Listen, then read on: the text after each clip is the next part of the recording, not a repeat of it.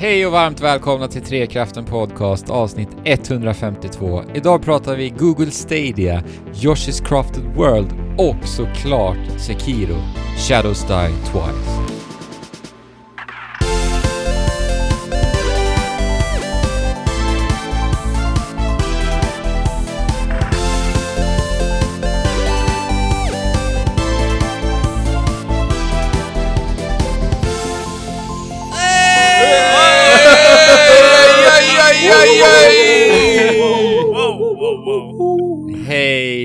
Er kära lyssnare, välkomna till Trekraften. Det har vi redan sagt, men nu säger jag det igen för det är så trevligt. Jag som pratar heter Andrew och jag är såklart med mig Jesper den här veckan. Välkommen Jesper. Hej, tack så mycket innerligt. Och vi har Alex. Tjenare, tjenare, hallå, hallå. Och sen så såklart Fabian, välkommen. Tjaba, tjena, hallå. Kul att vi samlade återigen. Det här är en spelpodcast för de som inte vet. Här pratar vi spel och allt vad Yes. det berör. Och eh, de här två senaste veckorna som har varit så har det ju hänt en hel drös med grejer i spelvärlden. Jag tänker, jag tänker att vi struntar i hur vi mår den här veckan, så Ja. hoppar vi in direkt. Ja, det är en bra Mm. idé. En av de största nyheterna som har skett här i veckan, det är väl att eh, vi har ju sett att Google har nu eh, bevisat att de eh, är redo att hoppa in i spelbranschen. Jajamän. Eh, Mm. De har ju då eh, visat upp sin lilla streamingtjänst, deras plattform in i spelvärlden, som de då kallar för Google Stadia. Och vi har fått en del detaljer, men prismodeller och sånt där vet vi inte riktigt alls, eller liksom hur det kommer fungera i praktiken så. Men i alla fall vad det är. Och det är ju lite så här, så, så som vi, vi pratade väl lite om det förra veckan, eh, när vi diskuterade Mm, free- när vi pratade free to free to play. play där. Precis. Eh, streamande spel helt enkelt. Genom molnet. Och vad, vad är era, era initiala tankar så här? När, när mastodont Google hoppar in. Eh, det känns ju för det första helt sinnessjukt att se, alltså att bara tänka sig att det här kommer att fungera. Det Mm. känns, den, den Mm. tanken är ju bara helt sinnessjuk. Ja, att se vi- liksom så här högkvalitativa AAA-spel rullandes på vilken plattform som helst som, som egentligen har en uppkoppling till internet. Mm. Ja. Det ska ju gå igenom Chrome-browsern, eh, Mm. Google Stadia. Så allt där du kan använda Google Chrome kommer du kunna komma åt Google Stadia. Mm. Ja, och vi har liksom under hela, hela våran tid, tiden som vi har varit intresserade av tv-spel, så har vi varit lite eh, kåta på spex liksom. Mm. Medan allt det kommer bara helt och totalt försvinna när eh, eh, Google Fabian- Stadia funkar på ett bra sätt. Men Fabian, de har ju datacenter på över 10,7 teraflops. Ja, ja, alltså då är det ju då är de datacentren som kommer att styra såklart hur mycket som eh, eh, vad, hur spelen utvecklas och liksom i vilken grad det sker. På det sättet så är det ju jättepositivt för jag är ju så innerligt ointresserad av eh, Ja. teknik och, eh, och eh, hårdvara. Så då, då är det skönt att slippa hålla på och fundera på det och, så, och att Mm. allting löper på eh, på bästa sätt. liksom. Ja, Utan att man behöver liksom inte bry sig om... Ja, alltså så här som nu, jag, jag stör mig nästan varje gång jag spelar Playstation 4 att jag inte äger ett Pro nu när jag också har en 4K-TV. Precis. Men jag har liksom inte riktigt, jag kan inte berättiga att köpa en, en Pro riktigt och då är det så här, då förtar det lite, lite av min spelupplevelse hela tiden. ja. Eh, Mm. men det behöver, kommer jag inte behöva bry mig om när streaming funkar på ett Mm. bra sätt. Sen, jag, jag, jag har en tendens att hela tiden tänka på saker i vardagen kring, eh, i, i termer av eh, så här kommer det inte funka i framtiden och, och Mm. då fundera kring hur saker och ting kommer att funka i framtiden. Mm. Eh, och det här är ju typiskt sån här sak att säga, åh vad konstigt att vi hade så här klumpiga Ja. lådor som vi betalade 5000 spänn för under vår tv liksom. Och det är typiskt sån här grej. Så att på ett sätt så är det ju inte, alltså, när jag, jag först hörde talas om Stadia och såg presentationen och så, så blir man lite så här, man blir lite blown away på ett sätt. Mm. Samtidigt så är det så att den här tekniken finns ju redan till viss del, alltså eh, Playstation Now och så vidare är ju igång, men det känns ju som att Google tar det, eller om de genomför det de lovar så tar de ju till en ny nivå, eller de liksom springer om alla konkurrenterna och, Mm. och presenterar en, en lösning Ja. som verk, verkar revolutionerande först. Sen tänker jag att det kanske ändå inte är så här wow, vad är det här? Det är någonting vi aldrig hört talas om förut, utan det är ju faktiskt bara eh, nästa steg på den naturliga vägen, tycker jag. Om man ska Ja, ja. Vara lite krass och tråkig. Mm. Jo, jo, men det är ju nu, det är ju nu den kommer. Och att den kanske kommer mycket tidigare än vad vi Ja, ville tro från första början. precis. Eh, Så är det. Ja. Men frågan är, jag tror fortfarande att det här inte kommer vara eh, standard förrän om några år fram i tiden. Det kommer liksom inte ta hela världen med storm till att börja med, för att jag tror inte... Eller alltså, Nej. ju fler kunder de har, desto mer kräm måste de ju eh, lägga på sina egna servrar och så vidare. Så jag Alltså- tror att det kommer vara ganska dyrt till att börja med. eh, och Mm. ganska exklusivt. Men att det sedan, ja, kommer bli att alla mer eller mindre har det, precis som Netflix och Spotify. Alltså, jag, jag tänker intresserade. ganska, jag ganska mycket på det här med prenumerationsmodeller senaste, senaste veckan här som har gått. För att det, alltså, tittar vi på egentligen vad tusan som helst idag, vi har ju massvis av olika speltjänster där vi betalar prenumerationsavgifter för att få Mm. tillgång till ett spelutbud och vi har likadant för musik som vi har för film och böcker, allt möjligt. Alltså allting kör, och mjukvara till exempel. Så jag som gör spel i Unity måste betala en licens för till exempel. Om jag vill hålla på med Photoshop så jag, så måste jag ha en prenumerationstjänst där. Ja. Vill jag ha eh, mera utrymme till mitt Unity-konto så måste jag ha en prenumerations, pre- prenumerationstjänst där också. Snart kom- kommer vi liksom, eh, alltså om den här utvecklingen fortsätter framåt så kommer vi bara drunkna i att ha en herrans massa olika prenumerationstjänster. Och det Ja. tror jag kan bli ett bakslag i framtiden där folk kommer säga nej, nu är det nog, jag vill inte ha mer tjänster. Mm. Och det är väl det Ja. som jag är lite skeptisk emot när det kommer till att introducera ännu flera prenumerationstjänster. För vi har redan så otroligt många redan idag. Ja, men det, det känns ju lite också som att vi lever ju också i en tid nu specifikt där vi också, vi är just lite mer skeptiska till de här teknikjättarna också.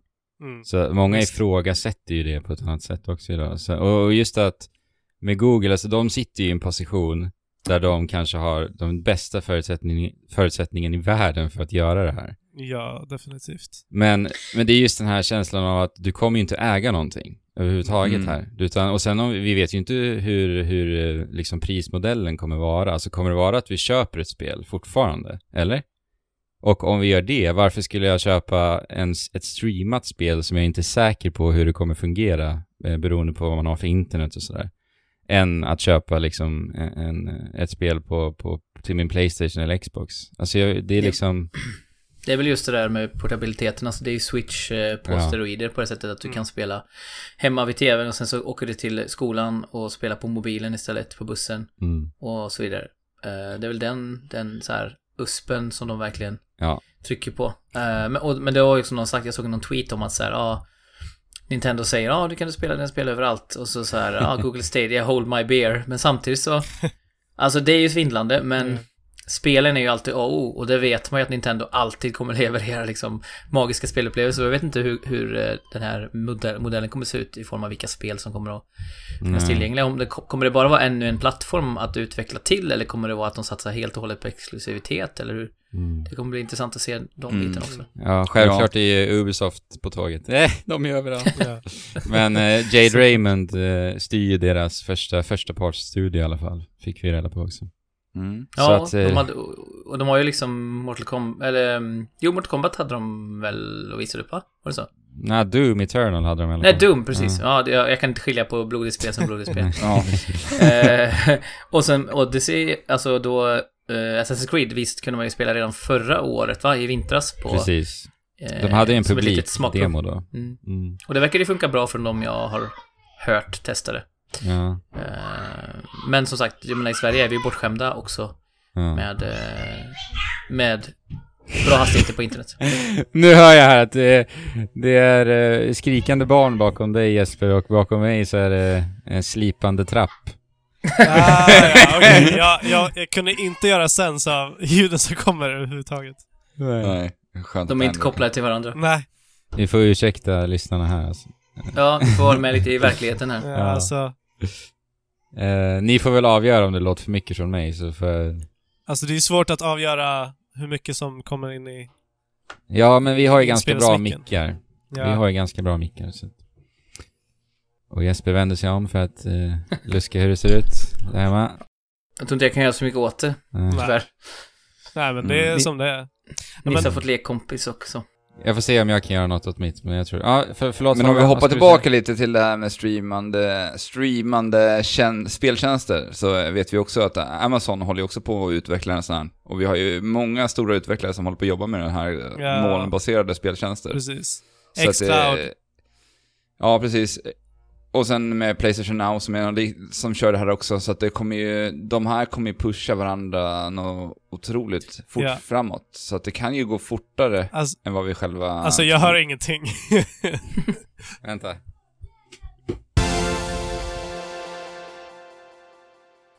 Ja, Alex, minns du var du var någonstans nu? Innan här? Eh, ja, jag skulle prata om det här med, eller jag, skulle, jag vill bara klämma in det här med att eh, Amaz- vi vet ju att Amazon också håller på med streamingtjänster. Och att Mm. Xcloud är på gång och att eh, Playstation Now, det är många tjänster som ska ut nu. Mm. Walmart. Just Ja, just de det. kör Det också. är Walmart också. Alltså, Mm. Så att det, det känns som att den här cloud-baserade speltjänsterna kommer att pushas fram eh, bra mycket snabbare Ja. än vad vi, vad vi själva tror just nu faktiskt. Ja, det är det som det förvånar mig mest. surfingvåg. faktiskt. Men vi har som sagt, vi är ju lite bortskämda här i Sverige med, med bra hastighet på vårt internet, så... Mm. Så här kommer det kanske få fäste rätt fort ändå, Mm. eh, jämfört med många andra delar av, av världen. Men jag provade ju Playstation Now här gångna veckan. Ja. Ehm, och det funkar ju ganska bra sådär. Alltså Nisse spelade en del bilar, eh, Cars-spel. Eh, och jag skulle spela eh, Fantavision heter det va? Det här gamla Playstation 2 eh, fyrverkerispelet. Man ska sätta igång olika fyrverkerier Mm. på olika sätt. Pusselaktigt. Ah. Eh, men det låste sig totalt. Så det, jag kunde inte, jag startade så funkade det inte alls. Ehm, Mm. och vad spelade jag mer? Eh, vi körde Ape Escape 2. Och lite sådär. Och det funkade ju bra. Men emellanåt så känns det ju lite som att... Eh, ja men som att illusionen spricker när det börjar bli lite så här, oj nu blev det lite lagg eller nu blev det lite släpningar och sådär. Och det... Mm. Mm, Ja. Det får det inte vara liksom. Nej, det, men- det, det, jag är inte beredd att liksom, offra min spelupplevelse i så stor utsträckning för att få... Nej, Mm. men speciellt Det är just när, när du det. också betalar pengar för de här tjänsterna också, då är det ju Mm. superviktigt att de här tjänsterna fungerar till 100%. Ja, men särskilt om Stadia, om det kommer vara så att du köper spelen faktiskt. Det är det vi inte Mm. vet. Liksom. Nu så är det ju också lite så här, vad är i en är gubbig så här eh, skepsis mot nya grejer och vad är liksom en rimlig eh, oro för att spelen ska förändras negativt av det liksom. Alltså att Mm. Till exempel att man ska behöva programmera eller spelen på ett sätt som gör att man tar hänsyn till lagg eller eftersläpningar, alltså sådana saker. Mm. Eh, Nej, jag, jag, rubberbanding. Och det jag, här, tror alltså... att, jag tror att dina farhågor är väldigt eh, rätt ute för, alltså, det kommer inte funka så länge, så länge eh, internet inte är on par med tekniken såklart. Nej. Men det kommer också driva på internetutvecklingen eh, tack vare det och stabilare Mm. nät och så vidare, vilket gör att det, det är där flaskhalsen ligger. Och innan vi, innan vi har så pass stabila internetuppkopplingar att det aldrig blir något lag, eller nästan till aldrig blir något lag, så kommer inte det här få någon större spridning. Men Nej. Det är inte så lång tid kvar fram tills dess. Alltså, på bara de senaste tio åren har vi sett hur stora förändringar som helst i, i Mm. internetuppkoppling. S- Stadia ska ju släppas i höst, har de ju sagt Mm. nu. Och det, det får mig att tro att det här inte kommer vara en prenumerationstjänst. För att jag menar, eh, ja, Assassin's Creed, nästa Assassin's Creed, säg att det släpps nu i höst då. Om, om det släpps till Stadia via en billig prenumeration och till Billigt Xbox tror jag One. inte den kommer vara. Nej men okej, men en billigare än, ja, än att du köper ett fullspel alltså. Eh, och sen så kan du köpa fulla spelet till Xbox One och, och PS4 och PC för 600 kronor. Alltså hur ska, varför skulle, skulle AAA-utvecklarna vilja göra det liksom? Du menar Mm. att de inte skulle få uh, betalt för sitt jobb med spelen? För att ingen köper spelen? Jag menar alltså generellt, alltså visst kanske Ubisoft är ett undantag för att de har någon deal med, med Google, men, men jag har svårt att se att varenda AAA-spel som existerar skulle släppas. ja, liksom. precis. Alltså Ja. det här är ju det här är en stor farhåga att liksom om Google tar över hela spelmarknaden så är det de som också kommer styra vilka spel som kommer att Mm. kunna spel, som kommer att kunna utvecklas. Precis som Netflix nu eh, de äger inte hela eh, filmindustrin, men de är en väldigt stor del av den nu. Mm. Eh, och något sånt, något sånt skulle jag inte vilja se, för jag vill ha väldigt mycket diversitet. De skulle kunna göra det bra, naturligtvis, men jag, jag tror på hälsosam konkurrens så som det är idag. Jag känner mig så fruktansvärt gubbig när man tänker på den här framtiden och med den här typen av prenumerationstjänster. Jag satt och pratade med Andrew här i veckan om hur, hur eh, vi såg på spel när vi var yngre. hade en Xbox fylld med massa spel. Vi kunde liksom spela precis vad som helst. Och Mm. under den tiden så var det så här att vi, eftersom vi kunde välja mellan precis alla spel på Xbox, spela dem när som helst. Mm. Så fanns det liksom ingen riktig, vi fick aldrig någon koppling till spelen. Man Nej. spelade lite här och där och sen så, du, du gav aldrig tid och njöt aldrig till, tillräckligt av de här spelen. Man, man spelade tills man blev lite, lite uttråkad och sen så bytte man spel liksom. Ja, På det här och, sättet. och det är ju samma sak det med Netflix också. Man börjar Ja. titta på någonting där, nej det här var inte så kul, att titta på någonting annat. Det finns ett jätteutbud och jag har ju märkt att min syn på tv-serier har ju förändrats väldigt mycket sen jag Väldigt Netflix. mycket. Alltså, jag sitter ju typ och, och browsar lika mycket på Netflix så som jag tittar på Netflix. Ja men det är ju så. Eh, bara för att det finns så mycket och mycket verkar lite småintressant. Men väldigt, väldigt lite verkar så pass intressant att jag faktiskt ofta tar mig, tar mig an och klickar på och tittar Mm. på någon specifik sak. Men li- Så- lyssna, lyssna på den här nattsvarta framtiden då. Mm. Att, att du, du som utvecklare tjänar alltså pengar genom speltid. Alltså, när användarna, så, så, så länge användarna spelar så tjänar du mer pengar. Mm. Och, och då kommer ju, då kommer liksom vartenda spel vara designat med bara fillers. Ja, Mm. så det heter jädra duga. Mm. Eh, så det ska bara ska spelas så länge som möjligt alla spel. Ja, fy. Så medellängden på alla spel som släpps kommer att vara på typ 30-40 timmar. Ja, det är lite så det är redan på, Precis.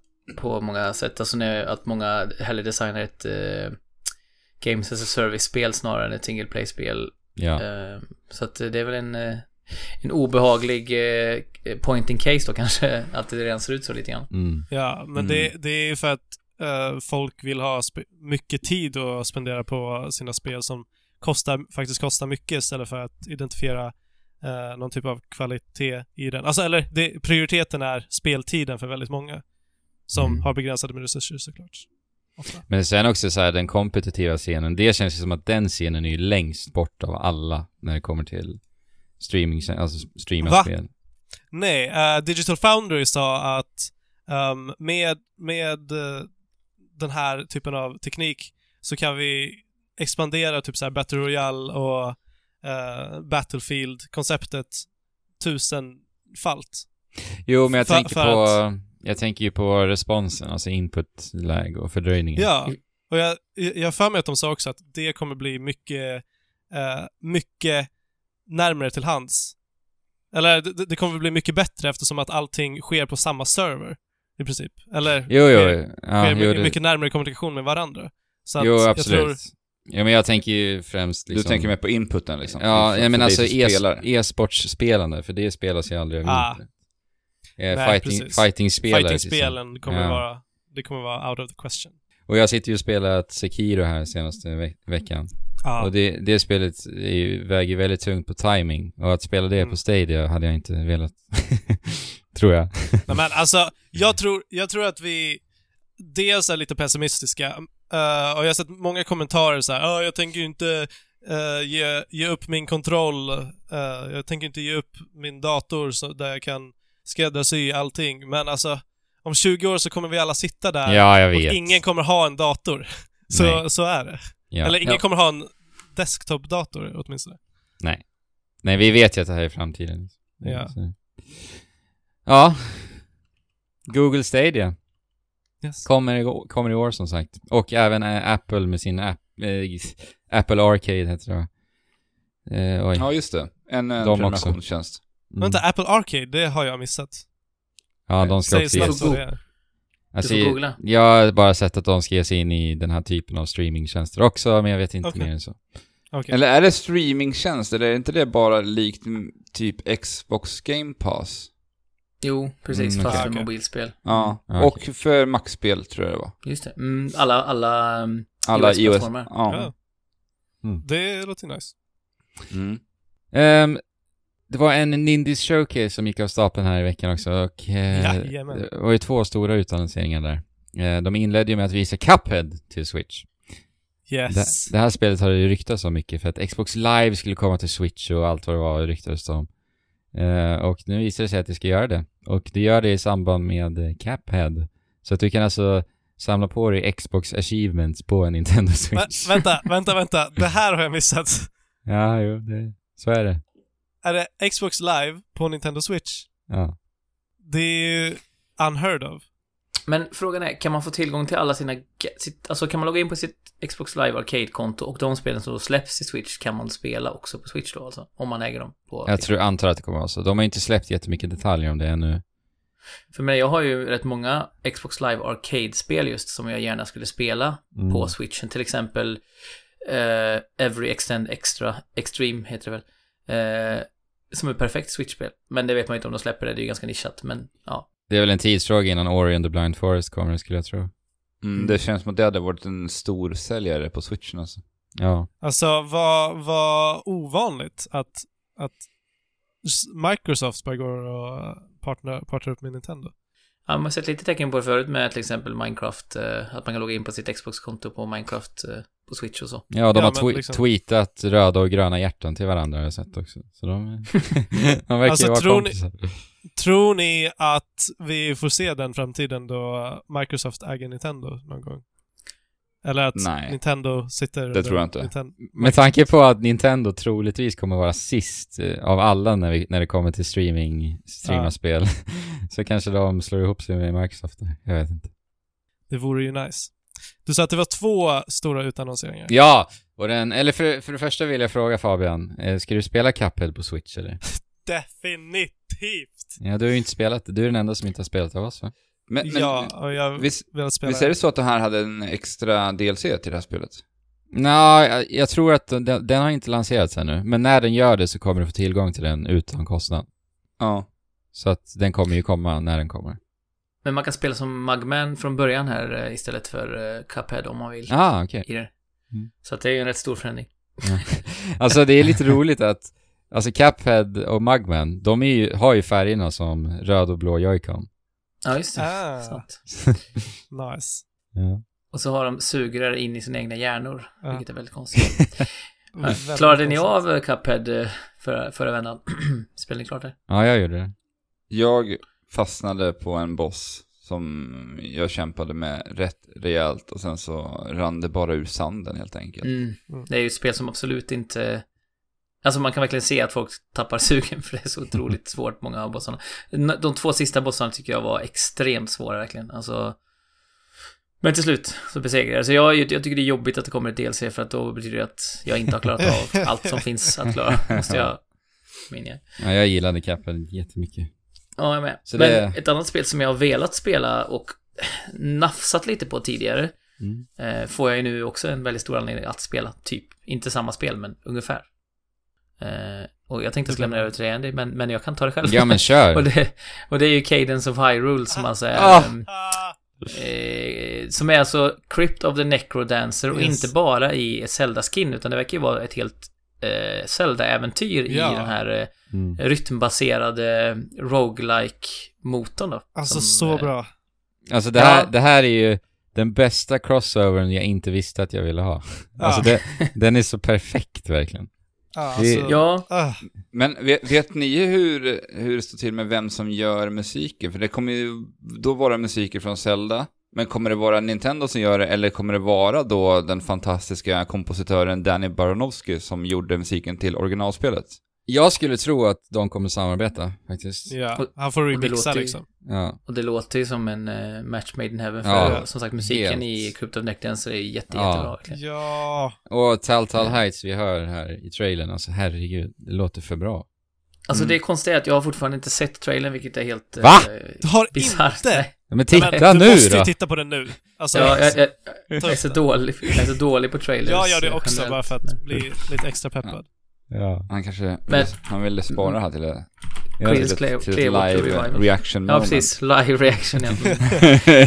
Eh, men jag... Eh, Jag, eh, som du skrev Andy på i vår interna chatt så är det ju verkligen nå- någonting för mig. Jag älskar ju rytmspel, Mm. den här estetiken och... Och inte minst Zelda. Och du är kär i Link också. Det står ju Jesper i titeln. Jag, jag sa ju det, det Ja. här är, det är 10 av 10 spel direkt för Jesper. Ja. Nu kollar jag här. Alltså det ser så fint ut. Det påminner lite om eh, Minish Cap faktiskt. Ja. ja. Verkligen. Det är så snyggt också hur det övergår från... Ja. Så snyggt. Man hör så här små, små Ja. hintar om att det är Zelda-musik. Rysningar. Och just att det är den gamla... Alltså det är estetiken från typ Link to the Past, fast inte riktigt lite uppdaterad. Eh, Ja men typ Och- A Link to the Past gånger minus cap. ja. Och just som sagt den...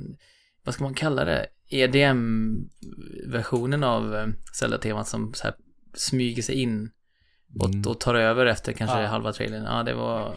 Och jag, jag älskar detaljen att Armor Knights-bossarna håller i elgitarrer. Mm. Ja, det är fantastiskt. Och att man kan spela som Zelda. Det är ju Ja, eh, såklart. härligt. Ha, alltså visst, det finns vissa spel man kan spela Zelda, typ som Hyrule Warriors och så, men det är inte, och eh, såklart Smash, men det är inte så många spel, Ja, det är inte ofta, nej. nej, och ofta är det ju så här lite, alltså, spel där det är viktigt att det finns många karaktärer, så man stoppar in henne bara för att ha en ytterligare en karaktär. Här är det ju faktiskt bara tre karaktärer och hon är en av dem, vilket känns, Mm. känns gött. Ja, verkligen. Ja. Verkligen. Det kommer nu i, det- i vår också. Ja, det, kän det känns så sjukt häftigt att, eh, jag vet att vi tre har pratat om det här, jag tror vi pratat om det i podden typ när vi drog igång, men vi satt och Ja. önskade och drömde om att Nintendo skulle gå ihop med någon indie-studio och bara släppa något av sina IPn för en indieutvecklare bara experimentera och göra någonting spännande med. Det är det som är så häftigt, Ja. att de släpper liksom sitt näst största IP, Mm. eller kanske tredje största beroende på om man tänker Pokémon också, förmodligen, eh, till liksom en så liten studio som det ändå är och bara tycker att ah, ja, men vi gillar vad ni gör, vi borde göra något ihop. Det är ju Ja. väldigt härligt. Mm. Fantastiskt. Och lite samma, nu är Ubisoft verkligen inte någon liten eh, utvecklare eller utgivare, men det är också kul med, eh, om man ser på, eh, vad heter det? Mario, Mario. Rabbids tänker du på? Mario Rabbids, precis. Mm. Eh, så det kanske är ett tecken på att eh, de har mjuknat upp en del. För att, Mm. eh, Ja, men alltså Nintendo är så annorlunda nu. De är verkligen det. På, på, på ett positivt sätt. Mm, jag Eh, menar, men- de, eh, de anställde ju den här personen som gjorde Downwell också. Nu tror jag han visserligen har slutat igen. Men eh, Ja. han, han hade ju en jättesuccé med mobilspelet Downwell som också släpptes till datorer mm. för ett par år sedan. PS4 också. Mm. Ja. Ja, Nintendo måste verkligen vrålgilla eh, Crypt of the Necrodancer. Ja, och det känns ju ganska logiskt, så det är ju ett... Eh, det är innovativt, det är eh, vackert pixelerat och det, det är på många sätt ganska besläktat med många av Nintendos liksom, Verkligen. spel själva. Verkligen. Mhm. Jag har ju Eh. faktiskt inte spelat Crypto Nec- Necrodancer. Jag, jag, Fabian har rekommenderat det till mig flera gånger. Mm. Så bra. Jag äger det på två plattformar, men har fortfarande inte spelat mer än kanske tre, fyra timmar sammanlagt. Jag, jag köpte det på mobiltelefon någon gång när det kostade bara så här typ 10 kronor någonting. På, på någon deal. Men eh, där kände jag tror- att det inte passade jättebra att spela. Nej. För att Du du behöver den här liksom feedbacken knappar. när du trycker på Precis. knapparna liksom. Mm. Switch och eh, PS4, eller Switch och PC ska jag säga äger jag på. Mm. Och det känns som Switch är det optimala. I och för sig ska jag nu med en Xbox eh, One-kontroll så funkar det bra på PC också, men, men just att bära med sig på Switch. Jag köpte också Minit nyss, som jag också har Mm. suktat efter länge, som är lite likt på det sättet att det är ett eh, ja, minimalistiskt roguelike utan, Mm. utan eh, rytmelement visserligen. Men, mm. Mm. Det- Och min, minutelement. Fabian, du har Ja. spelat också, eller? Jag har spelat Minute och the Necrodancer. Jo. men eh, om, Toppen om inte... Ja, och det ska bli jättekul att verkligen få... Och jag menar två stycken 2D Zelda-spel samma år nu då kan man väl säga. Ja, precis. Um, där Telltale Heights spelar stor roll i båda. Ja. Eh, som ju är faktiskt en av de... Det måste väl vara den mest underskattade Zelda-låten. Ja, jag- den är ju fantastisk. Dumpade, pumpade, pumpade, pumpade, pumpade. På tal om minnen så måste jag bara rekommendera. Nu är det så att Humble Bundle har en sån här monthly deal som eh, just nu, där minnet är en av de här spelarna. Men du får också Northgard, Mutants, Years, Road to Eden och Jesus. Absolver för typ 12 euro. Så att det är en Oj, riktigt bra monthly bundle. Jag tror att den går ut imorgon om jag har räknat rätt nu här. Alltså Ja, imorgon fredag. ja. snyggt. Ehm, bara så här med Nintendo och hur de samarbetar med en indieutvecklare nu. Det fick mig att bara direkt drömma om att eh, Team Cherry skulle få göra ett Metroid. Men å andra sidan, varför vill jag ha det när jag fick Hollow Knight? Egentligen. alltså det är ju samma sak. Fast ett Mm. eh, annat fantastiskt universum. Eller att, till snart. eller att Ja, den här precis. i, tyska studion, vad heter de, Shinen, får Ja, göra just det. F-Zero. F-Zero. F-Zero, ja. De som ligger bakom Fa- Fast RMX. Och, Just det. Mm. Det. Det är ju bara en win-win situation om det skulle vara. Alltså för att Nintendo-fans vill ju ha ett F-Zero. Och om de Mm. får ett officiellt av Nintendo F-Zero-spel, men som är utvecklat utav kompetenta kinnen. Alltså, det är väl Mm. jätte... Och jag antar att de skulle ju såklart känna, känna sig jätteprivilegierade som fick den, det varumärket att jobba Jag, jag tror att det är en jättebra kombo. Det visar ju sig med Sonic Mania som kom eh, för, vad är det, två år sedan nu? Eller förra Mm. året? Ja, att man ger det till passionerade indieutvecklare. Ja, men de, de vet ju vad de vill ha för att de är ändå så här, riktiga, riktiga fans till spelen. De, Mm. de faktiskt får vara en del av och ta vidare. Jag tror att det är en sån ja. jäkla bra kombo. Jag Yes! tror bestämt att vi sa att vi skulle bara flyga igenom det här. Ja, jag känner det. Vi måste nog börja röra oss till vad vi har spelat den här veckan, till den här avsnittet i veckan. Men innan det, innan vi hoppar vidare så vill jag bara... Vi har ju intervjuat Olle från Spelskaparna. Mm. Yes. Vi har pratat med honom två gånger. Och Två avsnitt. Eh, förra veckan så släppte han ett nytt avsnitt som jag tyckte bara var så otroligt intressant. Och jag vet att du ändå har lyssnat på det här också. Ja. Eh, och vi sa så här, det här måste vi rekommendera i podden. Och det är nämligen så att han har varit på en liten Asienresa och har då varit både i Japan och i Kina. Men det är, och gjort ett avsnitt för både hur eh, så här, spel och tech-scenen ser ut i Japan och Kina. Men jag fastnade verkligen för det här Kina-avsnittet, för Kina är en sån här marknad som, som vi har väldigt lite koll på. Ja. Och han, han berättar väldigt eh, ingående om den här tech-utvecklingen i Kina och vad som har hänt de senaste liksom, 40 åren i, i det här landet. Och det är så otroligt intressant och eh, bisarrt och lys- det som händer i det där landet. Ja, han, alltså i det avsnittet så slängs det med så här siffror som är så svindlande att du inte riktigt, alltså just som du säger, vi förstår inte riktigt vad, vad som händer där borta. Och Nej. sen är det, är det saker som bara så här är så, saker som är imponerande, saker som du säger bizarra, det är alltså jätteintressant verkligen. Så att det är en, lyssna på det avsnittet alltså. Mm. Bara en En sån sak är att, att världens största spelföretag är ju faktiskt eh, kinesiskt. Bara, det är inte alla som vet. Nej. Nej. Det känns inte så intuitivt, men Nej. Mm. that's the way it is. Ja men då har vi fått med typ allting i den här inledningen nu. Ja, eller vi har ju kvar Playstation State of Play. State Ja. of Play. det var ju eh, Sonys eh, lilla Nintendo Direct, eh, ja, vad ska man säga, kopia. Ja, ja Eh, kopia. Version. eh, är det någon som har tittat på den eller? Ja, jag tittade på den i morse. Ja. ja, nej men alltså det är väl eh, Alltså. en eh, mjuk start får man väl säga. Ja. Eh, Men alltså, man, man tänker att första gången kanske de slår på lite hårdare, slår på den hårda trumman liksom. Men Ja, eh, det, det är väl helt okej och jag gillar, jag gillar det här sättet att presentera saker ja, jag är jätteglad Men- att de går den vägen. Men, alltså om du jämför med Nintendo som alltid är så här, eh, leksamma och, eller lekfulla och glada och så, så kändes det här väldigt, väldigt stelt Ja. och tråkigt i jämförelse. Nej, det var lite en besvikelse, men ja. Det, de Alltså- får väl bättra sig får vi hoppas. Ja, det gör de ju säkert. Men eh, nu ska, ska vi röra oss till vad vi har spelat. Och då vill jag fråga dig Jesper, hur mår du efter de här två veckorna? Jag vet ju att du har spelat eh, lite utav kontrasternas spel till detta avsnitt. Ja, jag har spelat eh, Sekiro, som eh, vi alla har gjort. Ja. Men så har jag också spelat eh, Yoshi's Crafted World. Yes. Eh, och, och det kan vara svårt att hitta två spel som är mer olika varandra än ja. de två.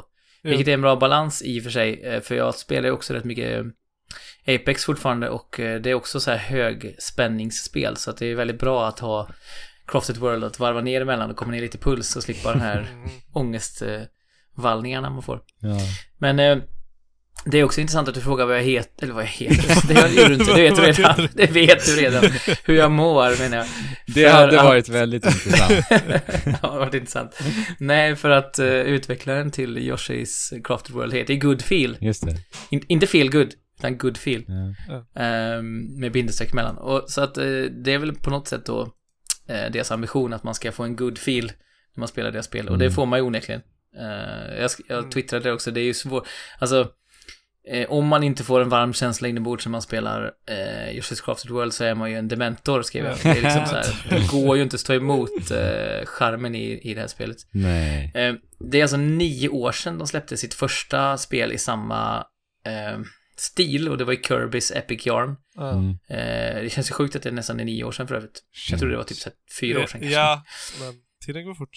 Ja, och sen har de då släppt eh, Yoshi's Woolly World, eh, Pucci and Yoshi's Woolly, Pucci and Yoshi's Woolly World och sen är det då Kirby's Extra Epic Yarn och nu då Yoshi's Crafted World. Så de börjar bli rutinerade onekligen på, eh, på den här typen av design. Det är ju olika inriktningar på dem alla och det här är ju då som sagt crafting, det vill säga mycket fokuserat på, ja, de har ju, de har ju gått bananas på kartong Nintendo nu det här Ja. eh, de senaste åren. Så det här är ju mycket kartong eh, och det är mycket så här knappar som representerar ögon och det är liksom koppar som blir berg och så här. Så att, ja, Mm. det är mycket så eh, pysseltema då i spelet. helt Ja, just det. Ja. Precis. i världarna man rör sig runt i. Och jag har ju inte spelat faktiskt ett enda av de här spelen tidigare. Ehm, för det är väl en ganska vanlig kritik annars kanske mot de här spelen nu, att det börjar kännas som att man har gjort det här några gånger. Mm. Eh, både estetik och eh, spelmekaniker och sådär. Men, men som sagt, jag har inte spelat eh, något som tidigare spel, så jag har inte det i bagaget riktigt. Ehm, nu har jag spelat kanske, ja, jag vet inte hur långt jag har kommit in i spelet. Jag har väl hittat två av fem såna här drömstenar. För det är det storyn går ut på att eh, Kamek och Mini-Bowser, eller Bowser Junior, eller hur man nu vill eh, kalla honom, s- swoshar in och eh, snor eh, drömstenarna från eh, Yoshisarna. Ja. Eh, och det får man ju inte göra. Nej, Eh, det- det, det förstår man. Det är taskigt. Det- Ja, så då, och så blir det då lite komplikationer så de tappar stenarna lite här och var i, i det här landet. Eh, och så får man ge sig ut och eh, leta upp dem. Så det är lite, det är ganska nyskapande story får man ju säga. det Ja, Att faktiskt. tappa ut, tappa ut saker i, som man ska eh, leta upp. Det har man ju inte sett NES, NES-tiden. Nej. Eh, Men eh, i alla fall själva fokuset för det här spelet är ju som sagt att eh, ge den här känslan av mys och av sprudlande kreativitet. Eh, jag tycker ett problem med de här spelen överlag, som sagt, nu har jag inte spelat eh, någon i den här serien tidigare, men till exempel eh, Kirby-spel och så generellt, är ju att när man är som vuxen är det ganska svårt att hitta någon form av tuggmotstånd i spelet. Ja. Utan det, en, det enda som det går ut på är ju egentligen att uppleva världarna och se hur, hur finurliga de har varit med sin design. Ja. Eh, och det är ju verkligen, det svämmar över i, i Crafted World. Det är ju, så- alltså, det var som någon skrev, eh, Kotaku tror jag, att det är så taktil känsla i världen. Alltså alla saker, när du öppnar en dörr till exempel, så är det ju som att det, ni vet när man öppnar, om man har klippt i kartong och så liksom viker man kartongen så att det Ja. frasar sådär. Mm. Eh, Så, så gör det ju när man eh, till exempel går igenom en dörr och om man åker linbana med ett snöre, en sån här, ja men eh, vanligt liksom garnsnöre typ. Så känns det ju och låter ungefär som man förväntar sig att det hade gjort Mm. om man hade varit min, eh, minimal och rest med, med ett sånt. Så att man, man, får, ju- man får ju verkligen känslan för, i och med att det är så, ofta i liksom Mario-spel och så, så är det ju en värld som är väldigt eh, fantasifull och det är saker som man själv inte har någon relation till i, i sin egen fysiska värld. Mm. Eh, men det, det är det ju hela tiden här. Så på det sättet blir det ju att man får, det spelet känns ju liksom, om ni förstår vad jag menar. Mm. Det känns som att man Mm. kan känna av eh, de här miljöerna som görs i, Men, men, Yoshiarna rör sig igenom. men tycker du att de utnyttjar just det här och designen i liksom mekaniken också? Att, att det blir en del av, av hela upplevelsen med det? Ja, men kanske inte fullt ut. Man, det är ju en mekanik man har som när man rör sig runt på banan så samlar man på sig massa mynt. Eh, och sen kan man ju då på varje liten, det är ganska små världar så man går igenom. Mm. Och för varje värld så finns det en sådär gotcha-maskin. Ja, okej. ja, just det, just det. Ja. Och så kan man då, det är ganska lätt att samla ihop så man får ut alla bollarna. Men det finns i alla fall typ så här epic skins som man Är det kan låsa upp. Ja. Och då är det då, ja, det är från, det är från eh, så här common till rare till epic. Och då är det då, förutom att det är coola grejer, det kan vara så här en, en, en konservburk liksom som Yoshi kliver in i och bär runt på så här. eh, Till att eh, det är en stor robotversion av Yoshi som man tar på sig i kartong. Ja. Och för, för varje så här steg man tar på den här skalan på hur ovanlig den är, desto mer skydd får man. Så det blir som en slags armor då. Eh, och spelet i sig är ju jättelätt. Ja, nu har jag börjat komma till banor där man får liksom anstränga sig lite grann i alla fall. Men spelet är ju väldigt lätt, man har väldigt mycket liv och man lägger även till den här mekaniken då att kartongerna i sig blir en sköld så att Ja. man behöver aldrig bekymra sig över att, eh, att få slut på liv. Eh, men det är ju väldigt kul detalj just det där att man faktiskt får, och det är tema efter banan också då, så att om det är en havsbana så kanske man får mer så marina teman på sina kartonger låser upp. Right. ja, det ser ju så fint ut alltså. Ja, och det är verkligen det. Och musiken också, det enda jag kan tycka är väl att det är lite repetitiv musik kanske. Det är ett huvudtema som upp- upprepas väldigt mycket och sen återkommer det i olika former så jag kanske hade önskat mig hittills lite mer variation i låtarna. För låtarna som finns är ju väldigt så här. eh, Ja men de går ju i eh, Yoshi's Island eh, tema fast eh, uppgraderat för liksom moderna konsoler. Så det, det känns verkligen som det finns en, ett arv där som är väldigt charmigt. Och man samlar ju på de här blommorna som, som eh, gjorde debut tror jag i Yoshi's Island också, de här stora Ja, solrosorna som är väldigt glada. De Mm. dansar. Eh, det är ju valutan man har för att använda för att låsa upp och komma till nästa värld. Det är robotar som behöver de här blommorna för att eh, reparera sig. Och sen då när man, när man reparerar en sån robot så hoppar den på en skruv, snurrar runt och så liksom kommer världen fram. Så det är väldigt, ja, som sagt, Den vecklar ut Själva, sig. ja exakt. Själva designen på allting i världen är ju verkligen det spelets största styrka. Mm. Eh, men jag har lite svårt att motivera mig att pusha igenom eh, ändå. För jag tycker lite grann din fråga som du ställde här för typ sju minuter sedan Andrew var ju att eh, hur man utnyttjar det. Jag tycker mekaniken är lite jag vet inte, inte lika eh, fantasifull som, som i till exempel Super Mario 3D World där man hela tiden upptäcker oh wow, gjorde de det här, åh vad kul, den här grejen. Mm. Utan det går lite i maklig takt. Man hinner bli lite småtrött på en mekanik innan de introducerar en ny. Det. Ehm, Men, men ändå så tycker jag att det låter som att det här erbjuder mera än vad till exempel Woolly World gör, tycker jag. Alltså, Jag har ju svårt att jämföra som att jag inte har spelat det, men... nej, för det var ju därför jag, det här valet stod ju mellan dig och mig att spela just Yoshi, och jag kände så här, jag har spelat rätt många utav deras, Nintendos, de här 2D-spelen som de släpper med jämna mellanrum.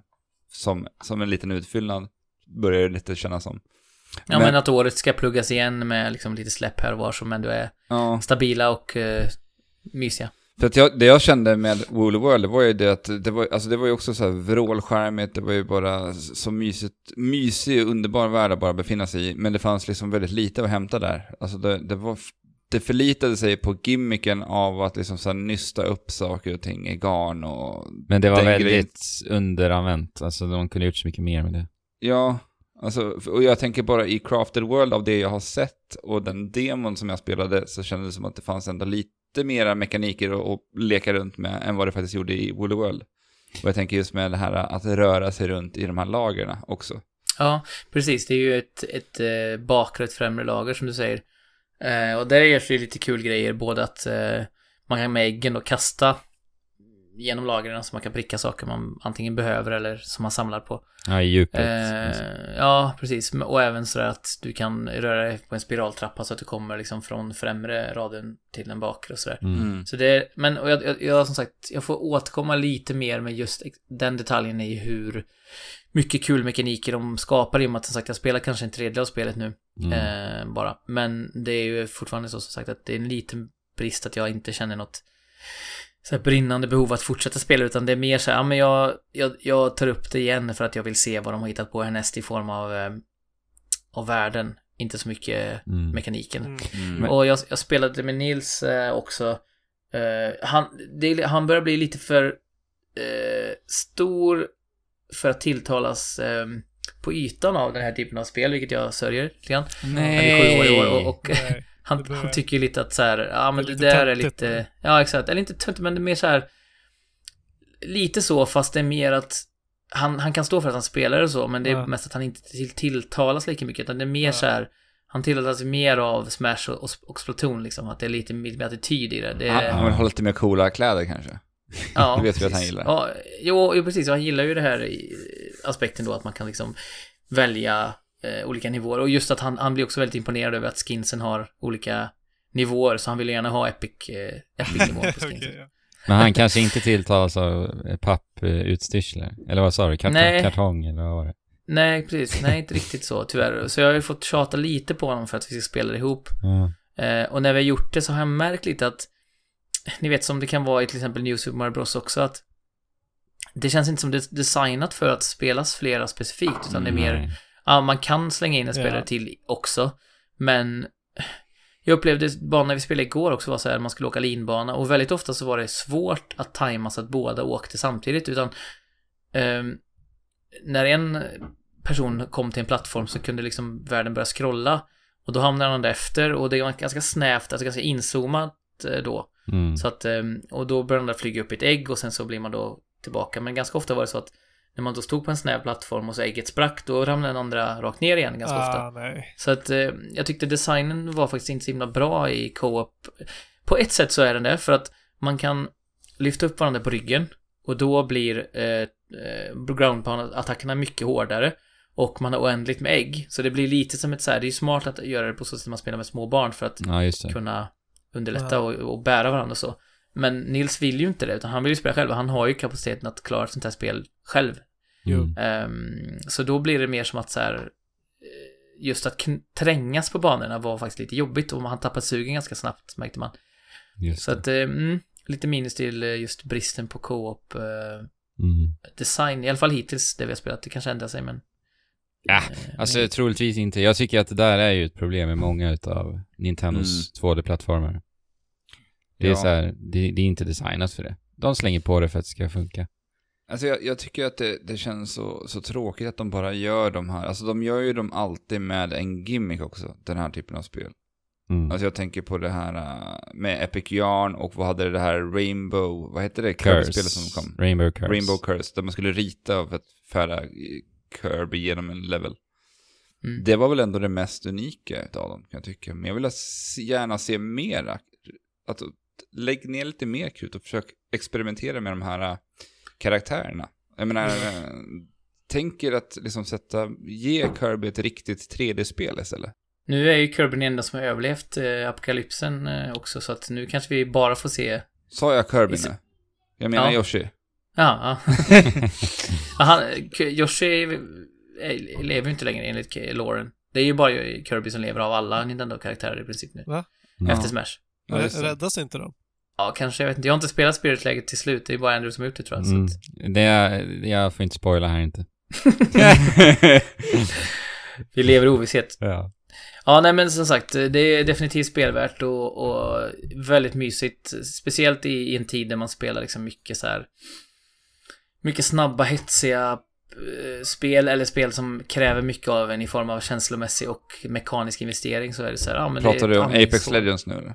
Ja, och, och Sekiro liksom. Så att eh, man får ju, man får ju eh, det här som ett andningshål och det, det tycker jag definitivt att man kan spana in om man vet att man tycker om mysiga plattformsäventyr. För det är verkligen ingen, det är jättestabilt, jättegulligt och musiken är, är eh, ja, av så här högsta myssnitt. Så vet man att man tycker om det så är det ju det här ett spel som man kommer tycka om, men ja, som sagt, kanske lite sömnigt då för en spelare som är van att... Sen samtidigt är det ju kanske inte riktigt jag som är målgruppen vad gäller mekaniken, utan det är ju mer inriktat för barn. Jag menar, de här utvecklarna har ju också en, eh, en lång historia av educational spel som är just inriktade till liksom 6 till 9-åringar ungefär. Så att, Ja.